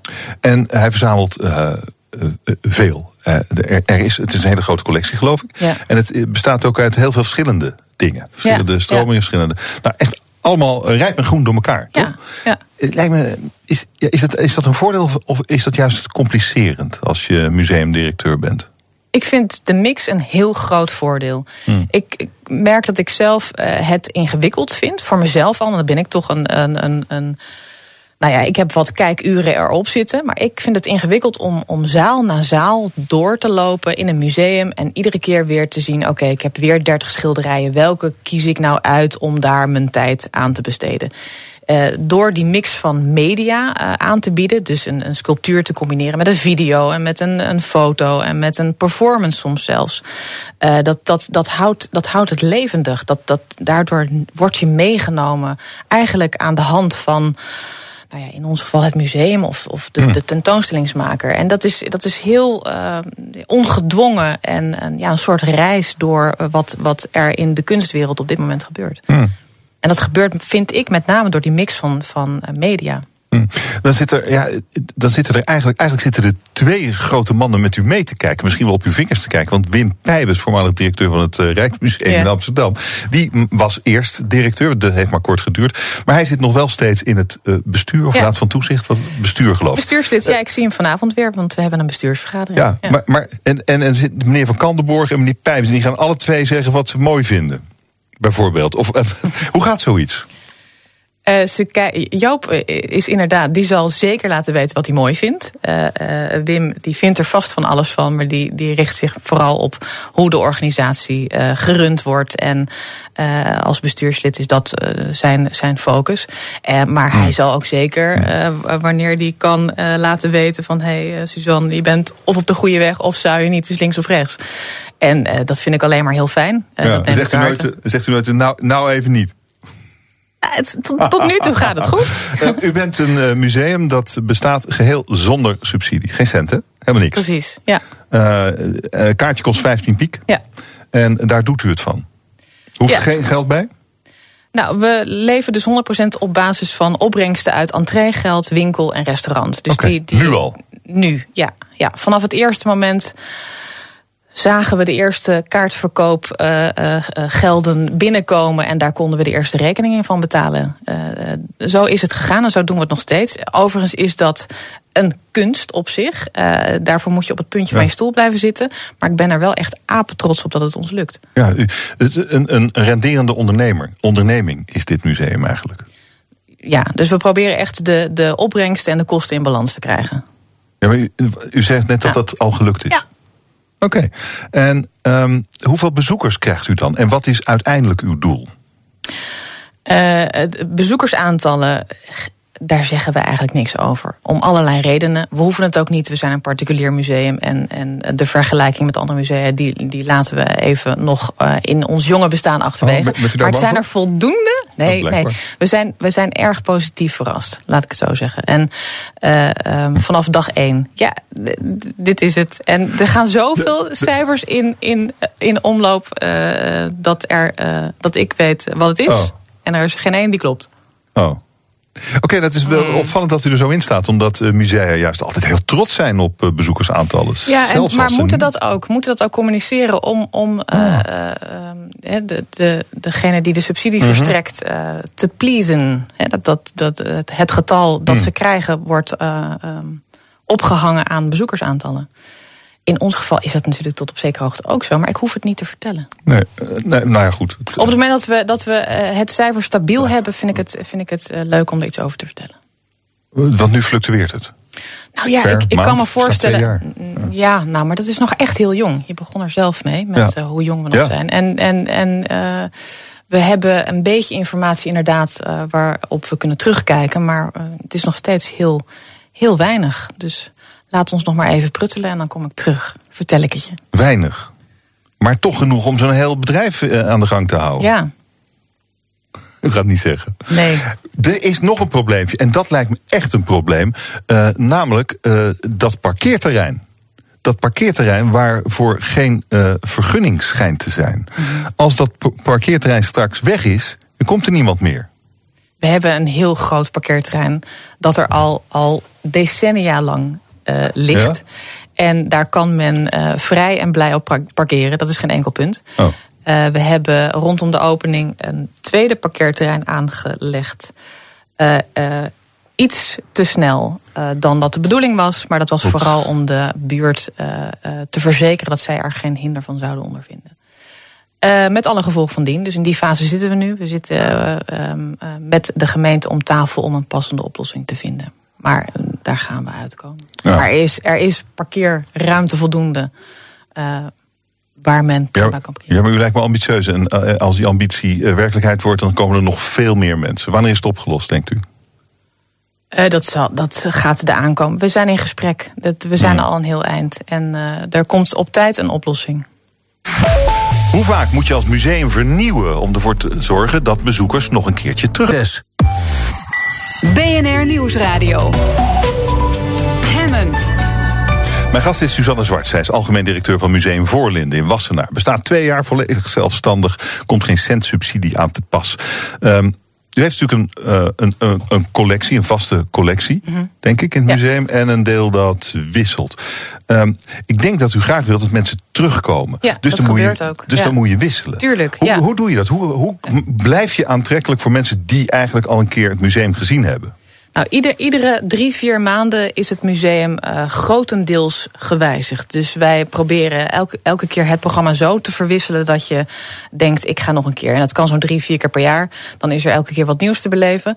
Uh, we hebben die eigen collectie, maar die is zo groot. Mm. Hè, dat zijn duizenden werken en daar doen we elke keer een greep uit. Uh, en dat laten we zien. Dat zijn tientallen werken in een wisselende eigen collectieopstelling. We hebben een aantal permanente werken uit de eigen collectie. Dat zijn uh, nou, hele grote installaties vaak, die soms zelfs ingebouwd zitten in de architectuur, die daar nooit meer weggaan. En inmiddels zijn dat de highlights van het museum. Daar komen mensen ook echt speciaal voor naar Voorlinden. En zelfs ook voor een tweede, een derde, een vierde en vijfde keer. Dus dat uh, hoeft niet eens gewisseld te worden, omdat dat zulke visueel uh, um, sterke werken zijn. Dat zijn echte ervaringen. Uh, en we hebben een, een derde deel, en dat noemen wij de tijdelijke expositiezalen. En dat zijn, um, of daar maken we tentoonstellingen die uh, echt gaan over één kunstenaar uit onze collectie. En daar lenen we ook kunst van uh, bij andere musea. En uh, het aardige is dat we vanaf het eerste moment mogen lenen van grote jongens als het MoMA en Sandra Pompidou mm. en de Tate Modern in Londen. En dat al die partijen bereid zijn om ons hun dure en kostbare, waardevolle werken uit te lenen. En dat doen we ook echt, die tijdelijke tentoonstellingen, om uh, uh, onze eigen collectie een soort van uh, actuele context te geven, die verder reikt dan wat wij hebben, maar wat er in de wereld nog meer te zien en te krijgen is. Het is een hele fotogenieke collectie. Er zijn zelfs mensen die Voorlinden het Instagram Museum noemen. Ja. Omdat ze zoveel foto's en mensen die zichzelf fotograferen met die werken ja. voorbij komen ja, in tijdlijnen. Fantastisch, ja. Is dat, ja. is dat, uh, uh, dat is fijn, maar is het ook een soort van expres? Sluit het ook aan op de, wat u wilt neerzetten? Wilt u ook dat dat aansluit op, op de social media cultuur? Uh, nou, het is, het is, natuurlijk fijn als je een plek kunt zijn waar mensen uh, zich uh, prettig en, en happy voelen. En dat gevoel willen delen met anderen. En als dat ook nog eens een keer een, een, een aangenaam, mooi, esthetisch decor is om je, je mooiste selfie te schieten, hmm. dan, dan, dan wil ik dat decor wel graag zijn. Mm. En uh, het, het, het, gaat er, het, ja, het gaat er ons wel om dat, uh, dat mensen dat, dat die hele fijne ervaring um, ja, vertalen naar zo'n plaatje en dat delen met anderen. Ik bedoel, je kunt geen betere reclame krijgen dan de mond-tot-mond reclame. En dat is het in feite. Dus graag, ja. En we spelen daar uh, inmiddels ook uh, hier en daar op in. Dus in zo'n tentoonstelling proberen we altijd een aantal werken te plaatsen die ook echt uh, um, nou ja, hashtag um, ja. waardig zijn. Ja, ja, ja en waar, waar moet zoiets dan aan voldoen om hashtag waardig te zijn? Nou, het is dat het een soort van goede achtergrond is. Een, een grafisch is, beeld, een, een goede dat, neon, een goede tekst. Een, ja, of dat zwembad. Dat zwembad is een hele goede, ja. Als je naar hashtag Voorlinden gaat. Leg ja. even uit wat het is, ja. voor mensen die het nog niet gezien ja. hebben. Nou, ja, het, het, is ingewikkeld uitleggen, maar het is eigenlijk een zwembad... waar je in kunt uh, zwemmen zonder dat je nat wordt. En um, het is natuurlijk sowieso al heel raar om een zwembad in een museum te laten zien... Uh, um, uh, en het, het, het, voldoet aan alle eisen van een zwembad. Er zit water in, er zit een trappetje in, een, een putje waar het water in weg zou kunnen lopen. Beweegt Eh, ook? Het beweegt Ja, ook. Het is, Ja. het, is, het is echt. Het is in feite echt, maar je kunt erin en je wordt niet nat. En mensen vinden het een ware beleving en ontdekking. En het is eh, inderdaad de plek om eh, je, je foto te maken. Hashtag waardig. Wat zijn nog meer werken waarvan u denkt, ja, die, die, die, die zijn hashtag waardig. Die moet ik hebben, die moet ik laten zien. Nou, waar mensen echt voor komen, dat is bijvoorbeeld het oudere echtpaar van Ron Muick. Dat zijn de twee g- reuzenpoppen die echt hyperrealistisch gemaakt zijn. Ze zijn net echt alleen twee keer groter dan jij en ik. En eh, eh, we hebben een, stalen doolhof van Richard Serra, eh 7 meter breed, eh 4 meter hoog, 18 meter lang, waar je echt in kunt verdwalen. En dat zijn ja, waanzinnige werken waar je ja, fysiek in kunt onderdompelen en, en eh, ehm, ja, wat mensen ehm, fantastisch vinden om te beleven. Oké, van, die, van die, die poppen kan ik me voorstellen dat het hashtag waardig... Een doolhof lijkt me alweer wat minder.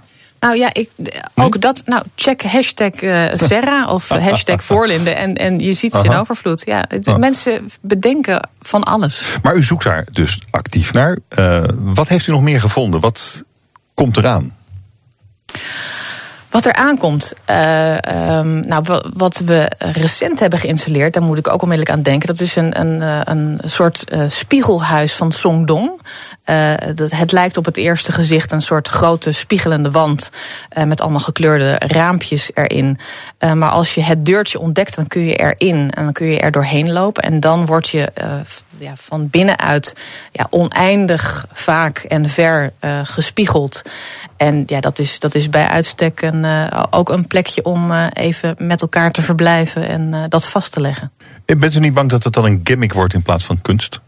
Of zou dat hetzelfde Nou, kunnen de, zijn? de outcome van zo'n plaatje is misschien een gimmick. Maar je merkt als je door het museum loopt en die mensen ziet genieten van de kunstwerken, dat het ook echt om de ervaring gaat. En Mm. dat het ook echt een. een een, een beleving is, een verrijking van, van het, het eh, museumbezoek. Maar, maar wat, is de, eh, wa- wat, is, wat is de kunst in bijvoorbeeld het zwembad?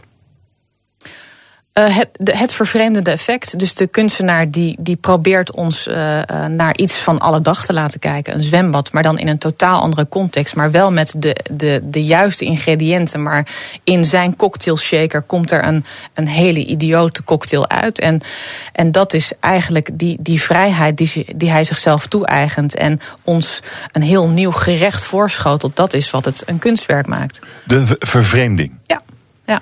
Oké. En dat is misschien ook wel bij die twee poppen, die twee keer zo gro- groot zijn als, als een gewoon mens. ja, ja. De vervreemding. Maar, Vervreemding maar die en- poppen die zijn, toch, die zijn toch levensecht verder? Elk, Ja. elk pukkeltje, elk haartje, elk eh, rimpeltje zit erop, toch? Ja, en, en je ziet twee reacties bij mensen. Eh, eh, mensen die, die komen het hoekje om, zien het daar geïnstalleerd staan en voelen in één keer een soort van weerstand van: oh, oeh, eh, eng, ik kom niet dichterbij.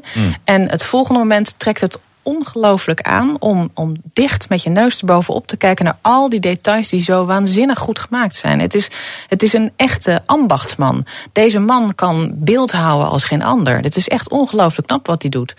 En uh, als je hem ziet werken, dan, dan hij begint met een klein klein model. En als hij de juiste houding heeft, vertaalt hij dat naar die, die, die, die vergrotende trap. En dan maakt hij daar mallen voor. Hij, hij maakt ze van siliconen. En hij beschildert ze ook heel erg realistisch. Want siliconen heeft van zichzelf eigenlijk geen kleur. Dus alles wat je aan huidskleur en tinten en moedervlekken, ouderdomsvlekjes ziet, dat heeft hij geschilderd. Dus ja. hij, is, hij is heel begenadigd. En ik denk dat die, uh, ja, die waardering voor dat ambacht dat hij uh, in de vingers heeft, ook heel groot is bij mensen. Ja, ja. Dus uh, ambacht en ook weer de vervreemding. Ja. Vervreemding is interessant. Ja. Het is natuurlijk wel zoiets, uh, als je dat gezien hebt. Uh, een keer of misschien twee keer. U zegt mensen komen ervoor terug. Maar op een gegeven moment weet je het wel. Dan, dan, dan moet u weer met een nieuwe verrassing ja, komen. Tuurlijk, ja, ja. Dus dat zullen we nou, ook maar, altijd blijven doen. Ja, ja, maar hoe gaat u over dat zwembad heen of over die twee uh, reuzenfiguren? De, het, het, valt me op dat mensen er niet op uitgekeken raken. Nee. En uh, ik merk het bij mezelf ook. Dus dat, dat enorme stalen doolhof, dat hebben wij al sinds uh, 2010 in onze verzameling zitten. En ook opgesteld, weliswaar in het begin niet in een museum, maar in onze opslag. Dus ik, ik ben daar al honderd keer, zo niet meer, doorheen gelopen. En dat blijft me fascineren, omdat het zo'n intense fysieke ervaring is. Dus je, je- de akoestiek verandert, je, hoor, je, je stem vervormt als, je, eh, weer, hè, als het weer kaatst wordt in die stalen platen. De temperatuur lijkt kouder. Het is, het is echt een, het is een hele bijzondere ervaring. Dus dat, je kunt dat niet onthouden, je moet het keer op keer opnieuw beleven. En dat is denk ik de kracht van die afdeling met die inmiddels highlights van onze collectie. Nou ja, schijnt de Mona Lisa ook te hebben, zoiets toch? Ja, Ik heb het wel eens gezien. Ik weet niet of ik nu weer terug hoef. Maar nou, eh, misschien wel. stel je voor dat je er alleen voor kon staan. Nou, dat ja. Ja. We waren wel met z'n vijfhonderden toen. Precies, je zit meer naar, naar fotograferende mensen te kijken dan. Ja, ja. En het is maar een heel klein dingetje. ja, ja, ja. Ehm, eh, het, ik- het, is, het is wel eh, waar ik een beetje naar zoek. Hè, um, over die, ja, hoe lang hou je het vol met wat er nu staat. Een tijdje geleden was cultuurhistorica Eva Rover, eh. Rovers hier. En zij zei, eh, het, het, de, de, er komen wel mensen, die blijven ook wel komen. Dat kan een paar jaar duren. Maar daarna eh, moet, moet je of iets nieuws gaan doen. Of een zodanige naam gevestigen. In elk geval die twee jaar, of dat is waar je nu bent. Ja. Dat is misschien wel een kritiek punt in het bestaan van een museum. Ja, wij, wij hebben een, een, een heel programma op de planken liggen waarbij we eh, eh, keer op keer eh, ons publiek denken te gaan verrassen. Ja. En tot nu toe merken we, en dat is best wel spannend geweest, dat wij relatief onbekende namen hebben gebracht. Die overigens eh, vaak heel eh, beroemd waren in, of zijn nog steeds in Amerika. De afgelopen drie tentoonstellingen gingen over Amerikaanse kunstenaars. En eh, die hebben wij voor het eerst hier podium gegeven in Europa. En daar is echt, daar is echt publiek voor. Eh, ehm, en eh, zo hebben we nog een hele verzameling, maar ook een heel programma waarbij we mensen blijven trekken. En daarbij moet ik zeggen dat het landgoed als zodanig ook heel rijk is. En je hoeft het maar aan te raken en je, er kan weer iets nieuws ontstaan. Dat is een beetje waar we ook voor moeten waken. Dat we ons eerst concentreren op de core business, eh, namelijk het museum draaien. Maar hoe leuk zou het zijn om ook eens een keer wat buiten in de natuur te doen? Het is Of- 40 hectare, je kan er een paar dingen doen.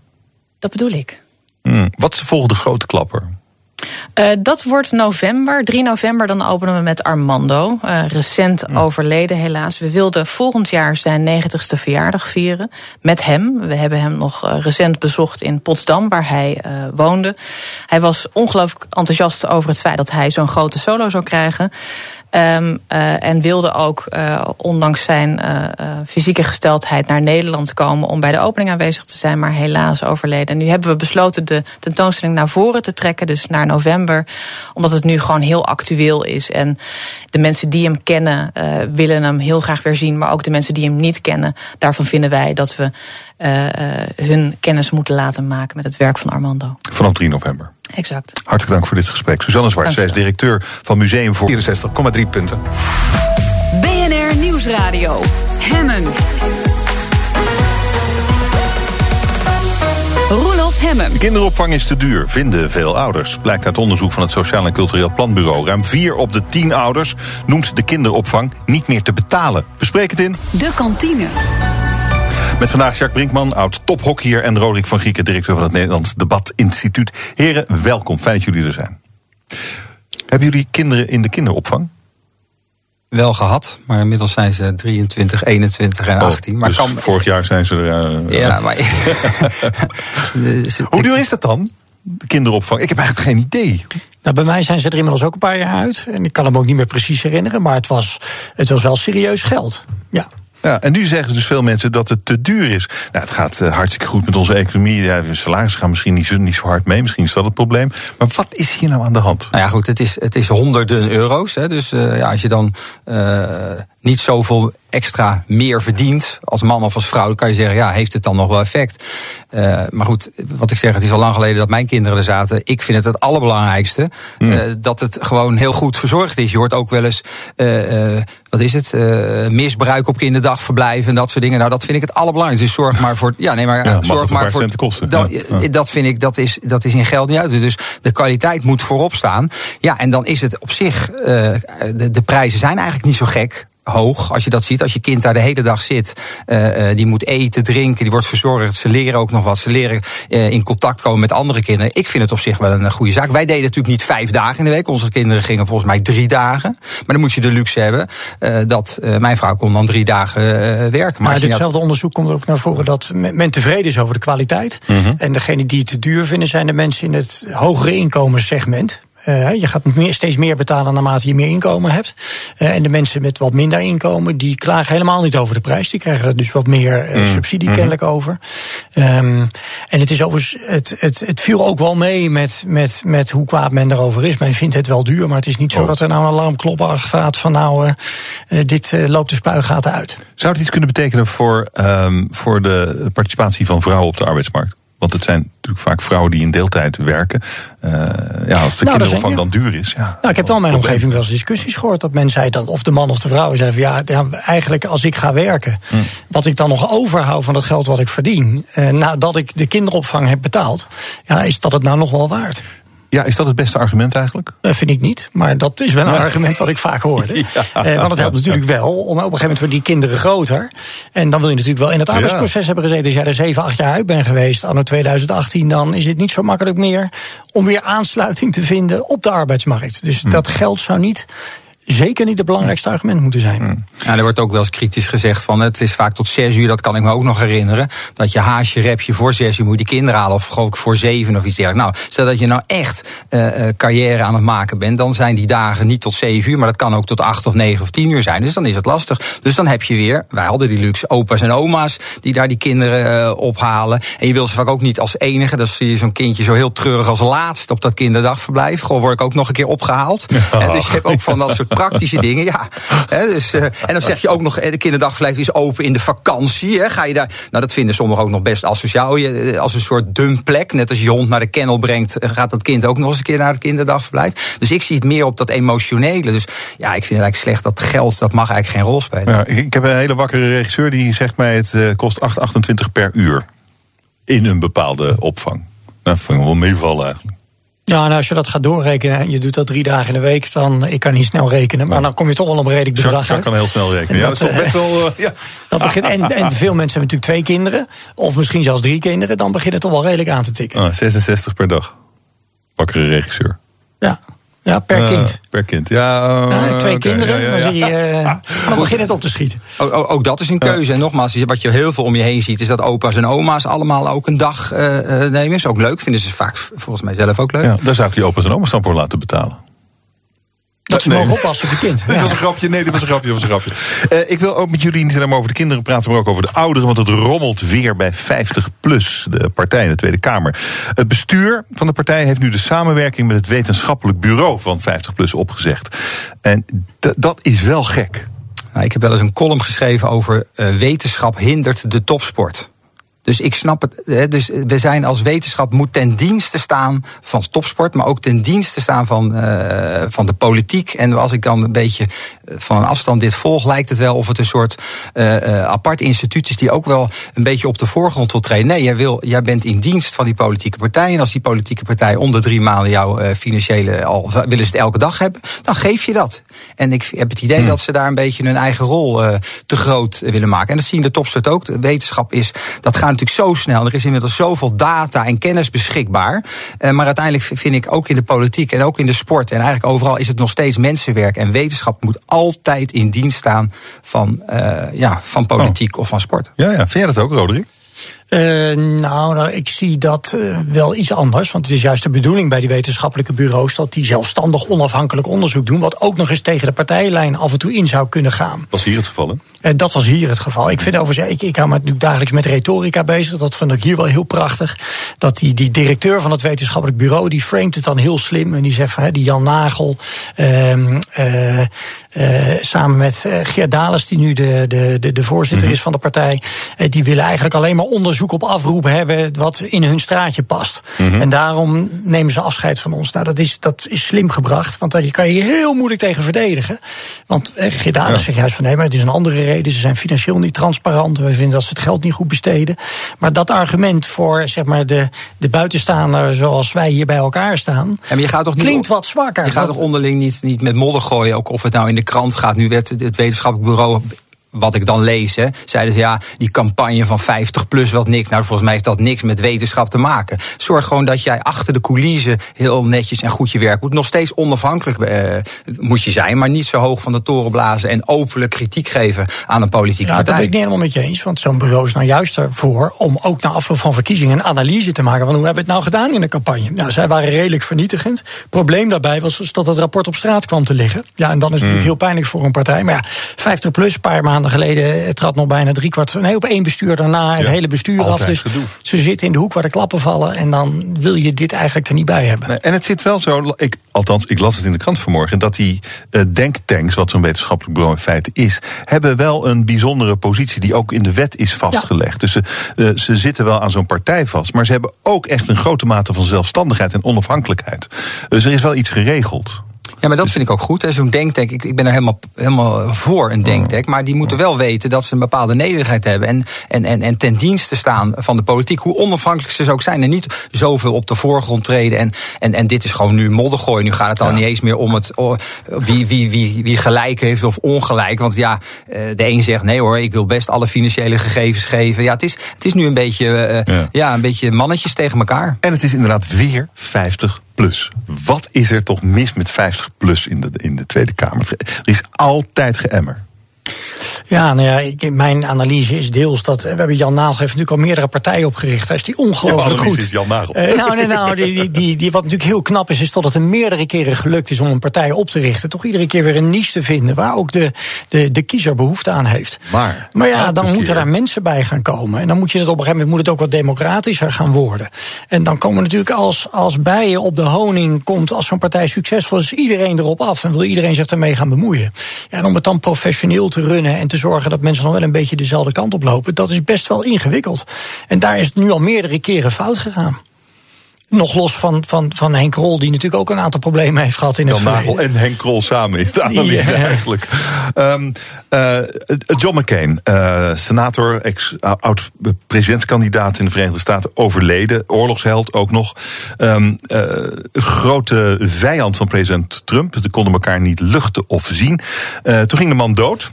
En toen eh, kreeg de president het niet over zijn hart om hem te zeggen, of zijn nabestaanden te zeggen, dat het werkelijk een, eh, een oorlogsheld was die hier was heen gegaan. En ook een man met grote politieke verdiensten, niet van het al. Hij heeft zelfs niet de moeite genomen om de vlag op het Witte Huis halfstok te hangen. Nou, dat heeft hij nu wel gedaan. Jacques, wat zegt jou dit, deze hele toestand? Nou ja, dat zegt wat over de wispelturigheid van Trump. Want hij had hem eerst heel even half stok. En dat zou dan eigenlijk moeten gebeuren tot aan de begrafenis. Dus dat is nog een tijdje. Toen had hij hem alweer omhoog gedaan. En toen uiteindelijk een halve dag later, nou oké, eh, doe toch maar half stok. Hij heeft best goed werk gedaan. Ja, wispelturig, je kan er geen pijl op trekken. Eh, hij doet gewoon eh, precies zijn eigen ding. En of het nou met een heel emotioneel iets is van hè, sterven, doodgaan, dan zou je zeggen, daar moet je toch voorzichtig mee omgaan. Nou, dat heeft hij ook gewoon lak aan. Hij zegt, joh, even kort half stok. En daarna gaat hij gewoon weer wapperen. Oh, wacht, nou ja, toch maar weer niet. Alsof hij hem zelf Ja, ja, en weer, ja, en weer zo, laat ja, zakken. ja, dus het, ja. Ja, en hij is ook volledig. Ah. En wat het is juist eh, veteranen die ook hier heel veel kritiek op hebben gehad. Voor een deel zit ook zijn natuurlijke achterban die hij zou kunnen bedienen. Door hier toch wat groter mee om te gaan. Maar dat interesseert hem allemaal niet.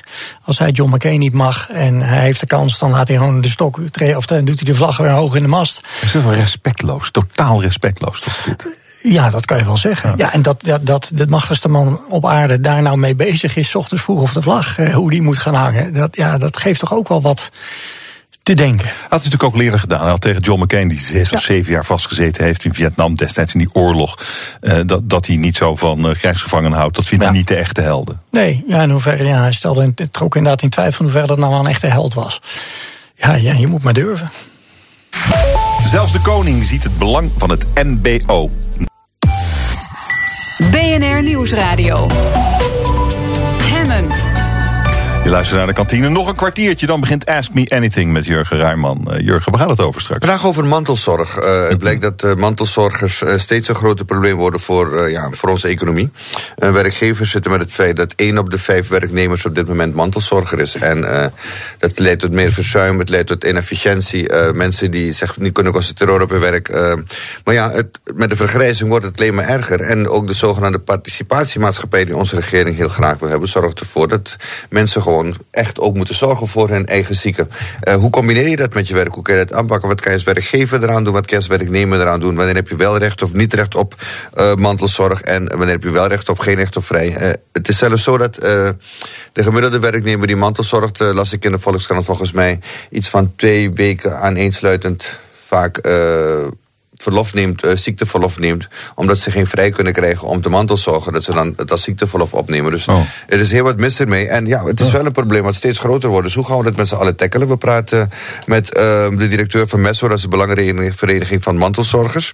En we hebben in het eerste gedeelte van het uh, uur praten we met ehm, de werkgevers, zeg, met, de, met de werknemersorganisaties. En het tweede gedeelte met de werkgeversorganisaties. We gaan het van allebei kanten proberen te belichten vandaag. En mensen kunnen gewoon een vraag stellen over de mantelzorg via Twitter, het BNR, via Facebook. Je mag me WhatsAppen, het nummer staat op bnr.nl. Of even een mailtje sturen naar askme.bnr.nl. Maar het leukste, Roelof. Bellen. 020 468 0 Dan kan je vraag live stellen in de uitzending. Jurgen, dankjewel. Ask me anything vanaf twee uur. je weet, jou zal ik altijd zorgen als het zover komt, hè? Ik hou je eraan. vanaf uh, twee uur. Wij praten verder in de kantine Vandaag met Jacques Brinkman, oud tophockeyer... en Roderick van Grieken, directeur van het Nederlands Debatinstituut. Mantel, de mantelzorgen die echt totaal klem zitten aan alle kanten. De werkgever die er last van heeft. Uh, dit wordt echt een serieus probleem, hè? Ja, absoluut. Je had, uh, ja, vroeger ging natuurlijk eh, oma of moeder of vader uiteindelijk naar het verzorgingshuis. Nou, tegenwoordig kom je daar niet zo snel meer in. Er moet echt wel iets heel serieus aan de hand zijn. Wil uiteindelijk jouw ouder of een ouder iemand echt in een, in een verpleeghuis terechtkomen. Ja, en tot die tijd wordt er deels op jou zelf gerekend. Uh, wat op zich ook helemaal niet zo'n gekke gedachte is. Dat dat eh, via mantelzorg in de familie met vrienden kennis wordt opgevangen. Maar dat, daar is dit wel een gevolg van. Ja, en die werkgever die vraagt zich nou af, Jacques, moet ik dat betalen? Ja, goed, en betalen en vooral uh, de afleiding. Want ik heb, heb het dan afgelopen maanden meegemaakt bij mijn schoonmoeder inderdaad. Een soort uh, mantelzorg. Die was dan trouwens wel al in een verzorgingshuis. Maar dan ben je eigenlijk ook nog bijna dag en nacht ermee bezig. Want ja, naar buiten toe, dat moet je toch echt als kinderen verzorgen. En dat doen ze dan. Die hebben ze ook geen tijd voor. Er zitten maar een paar handjes aan het bed. Dus ja, en dan ben, zijn wij alle twee, mijn vrouw en ik, zelfstandig ondernemer. Dan kan je het zogenaamd nog regelen. Maar je komt tot niks. Dus ik snap ook wel de kant van de werkgever. Want ja, uh, als je mantelzorg verricht. Je weet niet hoe lang je weg bent. Je moet even wat iemand verzorgen. Je moet even iemand uit bed halen. Maar dat kan soms ook zomaar twee, drie, vier uur duren. Dus die vrijheid moet je dan hebben. Je kan niet zeggen, ik ben even een uurtje mijn moeder of mijn vader aan het helpen. en, en dus wat dat betreft, ja, die werkgever, ja, hoeveel vrijheid moet ik geven? En wat is dan mantelzorg? Eigenlijk is dat elke dag. Ja, dus zou je bijna zeggen, net als een soort zwangerschapsverlof. Alleen een mantelzorg kan soms wel jaren duren. Dus ik, ik, ik snap wel het enorme dilemma waar, waar ook werkgevers in zitten. Want ja, uh, zo iemand kan dus, je kan geen afspraken maken, je kan niet plannen. Uh, je bent gewoon veel minder uh, effectief. Dus het kost je als bedrijf gewoon geld. Ja, heel duidelijk. Ja. Hoe is dat op te lossen? Um, ja, de, de oplossing zie ik ook niet zo direct. Nee. Maar het is nog los daarvan, is het ook de emotionele belasting hè, van mantelzorgers. Iemand, als iemand dan op zijn werk zit, dan speelt dat mm. vaak ook nog door. Mm -hmm. Omdat hij ja, thuis iemand heeft waar hij voor wil zorgen. Dus die werknemer zit ook steeds in een spagaat. En daar gaan misschien ook collega's op een gegeven moment uh, met vreemde ogen naar kijken. Ja, wacht eens even, Piet mag iedere keer weg. En ik zit hier wel. Ik denk wel dat hier een rol voor de overheid zit om dat toch iets meer te faciliteren. Dat uiteindelijk niet de last volledig bij werkgevers komt te liggen. Mm. Ja, als we een participatiesamenleving willen, ik denk dat dat op zich een goed idee is, dan moet je dat wel faciliteren. We hadden het net over die kinderopvang. Ja, dan moet je, dat, dat moet je ook goed regelen. Dat mensen wel de mogelijkheid hebben om maximaal flexibel de dingen te kunnen doen die ze willen doen. Mm -hmm. En waar we allemaal van profiteren. Maar je doet het ook uiteindelijk, dan wordt het ook allemaal half. Hè. Dat is zo in topsport is dat ook weer zo'n les. Je hebt een bepaalde focus. Dus als je mantelzorg en werk, dan wordt het dus eigenlijk allebei half. Ja. Mm -hmm. en, en, dus je moet daar keuzes in maken, zeg maar. Dus als iemand, je zou eigenlijk de, iemand de kans moeten geven, als hij echt vol mantelzorgen wil zijn of kan zijn, dat hij daarvoor kan kiezen. Alleen dat kan niet, want dan denk je, ja, als ik dan twee jaar weg ben, dan kom ik niet meer terug. Mm -hmm. Nou, daar zou je als werkgever misschien wel soepel mee kunnen omgaan. En die twee jaar, ja, dat is dan wat anders. Dan zeg je, nou, focus jij je maar vol daarop. En dan als, je dat, als dat dan klaar is, dan kom je weer bij ons. En dat is dan ook een keuze die je eh, wil maken. Mhm. Da- Daar sta je dan als persoon, moet je daar zelf eh, een afweging in maken. Maar anders wordt het toch twee dingen een beetje half. Maar daar heb ik eh, zelf een ervaring binnen mijn eigen bedrijf al gehad. Jaren geleden met iemand die zeven jaar lang ma- mantelzorg had gedaan voor een, voor een familielid. En die na zeven jaar weer de arbeidsmarkt opkomt. En die gewoon niet meer kon aansluiten. Dat, het verandert zo ongelooflijk snel. Eh, dat, dat was gewoon een hoger opgeleid iemand met die daarvoor een prima baan had gehad. En dan zeven jaar eruit is geweest. Die kon gewoon geen aansluiting meer vinden. Die kon gewoon niet meer ja, meedraaien op de manier zoals we nu draaien binnen organisaties. Toch verdrietig. Ja, dat is ook heel verdrietig. Ja. En, eh, maar eh, dat was iemand uit jouw bedrijf. Dus hoe, hoe, hoe hebben jullie dat uiteindelijk opgelost? Nou, dat, dat, was via een, ehm, eh, dat was via een organisatie van mensen met een afstand tot de arbeidsmarkt. Dus via die organisatie kwamen zij bij ons werken. Ehm, en ja, uiteindelijk is dat toch stuk gelopen. Omdat het ook voor, voor, voor, voor haar in dit geval ook heel frustrerend was. En heel veel stress opleverde. Omdat ze simpelweg, ik heb heel veel jonge mensen binnen het bedrijf zitten. Die, ja, de, de computersystemen die we gebruikten. Dat, het lukte gewoon niet meer om dat goed genoeg op te pakken. Ja. Nou ja, zometeen eh, nog veel meer. Een uur lang in eh, Ask Me Anything. Eh Sjaak, MBO'ers. Gisteren was de koning erbij te pas om het, eh, het MBO-jaar te openen. Dat gebeurt meestal bij eh, universiteit alleen. Nou, dat was gisteren, maar jij wilde vandaag ook nog over praten. En daarom krijg je nu gewoon de ruimte. Nou ja, dat is heel fijn. Nee, ik, ik heb genoten van, eh, van de speech ook van de koning. Oh hoe ja? hij dat zei, hoe hij dat opende. En ook met hele concrete voorbeelden. De MBO zorgt voor beroepsdiploma's. hij zei, dat zijn de mensen die onze haren knippen. Die zeggen, joh, lastig haar bestaat niet. Dus hij had concrete voorbeelden. Het zijn de mensen die ons een dak boven het hoofd geven. De bouwers die eh, eh, onze auto repareren. Dus dat zijn vakmensen. En ook weer de link naar de topsport. Je kan niet alleen maar spits hebben die de doelpunten maken. Je hebt ook hardwerkende middenvelders nodig. Dat is het cement van de ploeg. En MBO's en, en de mensen van, met beroepsdiploma's, dat is het cement van de samenleving. Dus dat is cruciaal. Vakmensen die wat met hun handen kunnen. Ja, ge- geniaal. Dus ik vond het, heel, ik vond het echt een hele mooie, eh, ja, uit het hart gegrepen speech van de koning. Hmm. Kan jij wat met je handen ook, behalve hockeyen?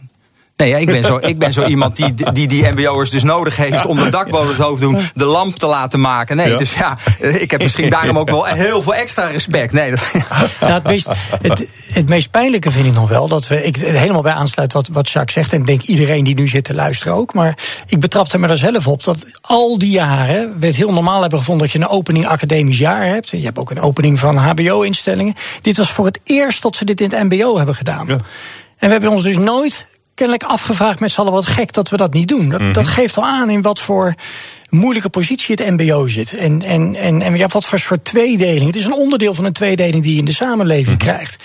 Want die MBO'er ziet ook dat ieder jaar op tv een opening academisch jaar is, een opening van, van HBO-instellingen. En die heeft ze misschien jarenlang afgevraagd, joh, waarom hebben wij dat eigenlijk niet? Het is de eerste keer dat dit gebeurd is. En nu kwam de koning in, dat was hartstikke goed. En die deed top. En eh, ik wil met jullie ook nog praten over eh, het kabinet dat zich nu bemoeit met de autohandel. Het kabinet vindt dat autodealers meer elektrische auto's moeten gaan verkopen. Die verkopers moeten op cursus om de voordelen van de stekkerauto beter uit te kunnen leggen. Ja, ik, dat vond ik gek.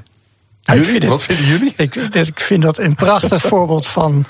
Ja, dan hoe de overheid niet snapt hoe het in de dagelijkse praktijk gaat. Ja, mooi. Want je hoeft een autoverkoper echt niet uit te leggen hoe die een auto moet verkopen. En of het nou een driewieler is of met vijf wielen of wat voor motor erin zit, dat kan die echt wel. Alleen die verkoopt natuurlijk datgene waar die zelf belang bij heeft. Dus die verkoopt zijn eigen merk en die verkoopt datgene waar die misschien de meeste bonus op krijgt. Of waar op een of andere manier het bedrijf strategisch op koerst. Eh, dus die kan prima die elektrische auto verkopen. Maar kennelijk is er niet voldoende belang om dat te doen. En als nou ja, de overheid moet gaan uitleggen hoe je een auto moet gaan verkopen, dan, dan zijn we toch verkeerd bezig. Maar goed, het idee natuurlijk, het slaat helemaal nergens op hoe dat. Het kabinet dat zegt of vindt. Maar goed, het idee natuurlijk achter is dat we elektrisch moeten rijden. Dus dat het duurzaam is. Hè, dus dat we een beetje groen moeten worden. Dat is allemaal goed. dat is allemaal goed. Maar het was natuurlijk een beetje een, een hele vreemde van eh, ja, autoverkopers eh, moeten zorgen dat ze beter auto's verkopen. Ja, dan zou ik zeggen, ja, eh, ik heb ook nog een aantal mensen die bij mij werken. Ja, die moeten ook beter verkopen. Misschien kan je ook nog wat subsidie geven. Ja, iedereen moet, de verkoper moet alles goed Nou, verkopen. maar daar, toch? daar heb je het dus. Hè. Op het moment dat er subsidie zat op de, ik noem wat, de, de Mitsubishi Outlander, we mogen hier bedrijven gewoon noemen, ja, dan verkoopt hij als, als een trein. Ja, maar Daar heeft niemand er moeite mee. Terwijl het misschien normaal gesproken, hè, volgens mij wordt die alleen in Nederland heel veel verkocht. Omdat er financieel voordeel op zit. Ik denk dat het veel belangrijker is dat we allemaal met z'n allen moeten bewegen. Dus we moeten zorgen dat er heel veel, eh, wat is het, eh, eh, sportschoolabonnementen verkopen. Ik weet niet wie die verkopen trouwens iets. Maar ja, zo kan je bezig blijven. Goed idee. Eh, tech talent, tech, nee, tech talent, eh, technisch talent gaat te veel naar het buitenland. Waar dat toe leidt is onder meer een brain drain in het gebied van de kunstmatige intelligentie. Kunstmatige intelligentie, waarvan de Chinezen zeggen en de Russen zeggen dat is waarmee je de wereld zult beheersen. Die gaan bij ons dus weg, mensen die daar slim in zijn. Dat is ook erg. Ja, Of niet? ik- ja, op zich is dat erg, maar talenten, eh, volgens mij regeert ook daar weer het geld. Die gaan daar waar ze het, eh, het, het meeste kunnen verdienen. En dat is dan vaak toch in het bedrijfsleven, in het buitenland. En het is natuurlijk zonde dat die talenten niet hier blijven op de universiteit. Maar ja, daar is de verdienste toch een stuk minder interessant dan in het bedrijfsleven. En zeker in het buitenland. Maar er zit, er zit nog een element even. Een deel, Hmm. deel was inderdaad het salaris wat in het bedrijfsleven Mhm. hoger zit. Maar tegelijkertijd begreep ik dat het ook te maken heeft met dat het vak inhoudelijk interessanter is. Omdat je als je met artificial intelligence werkt, dan wil je met data werken.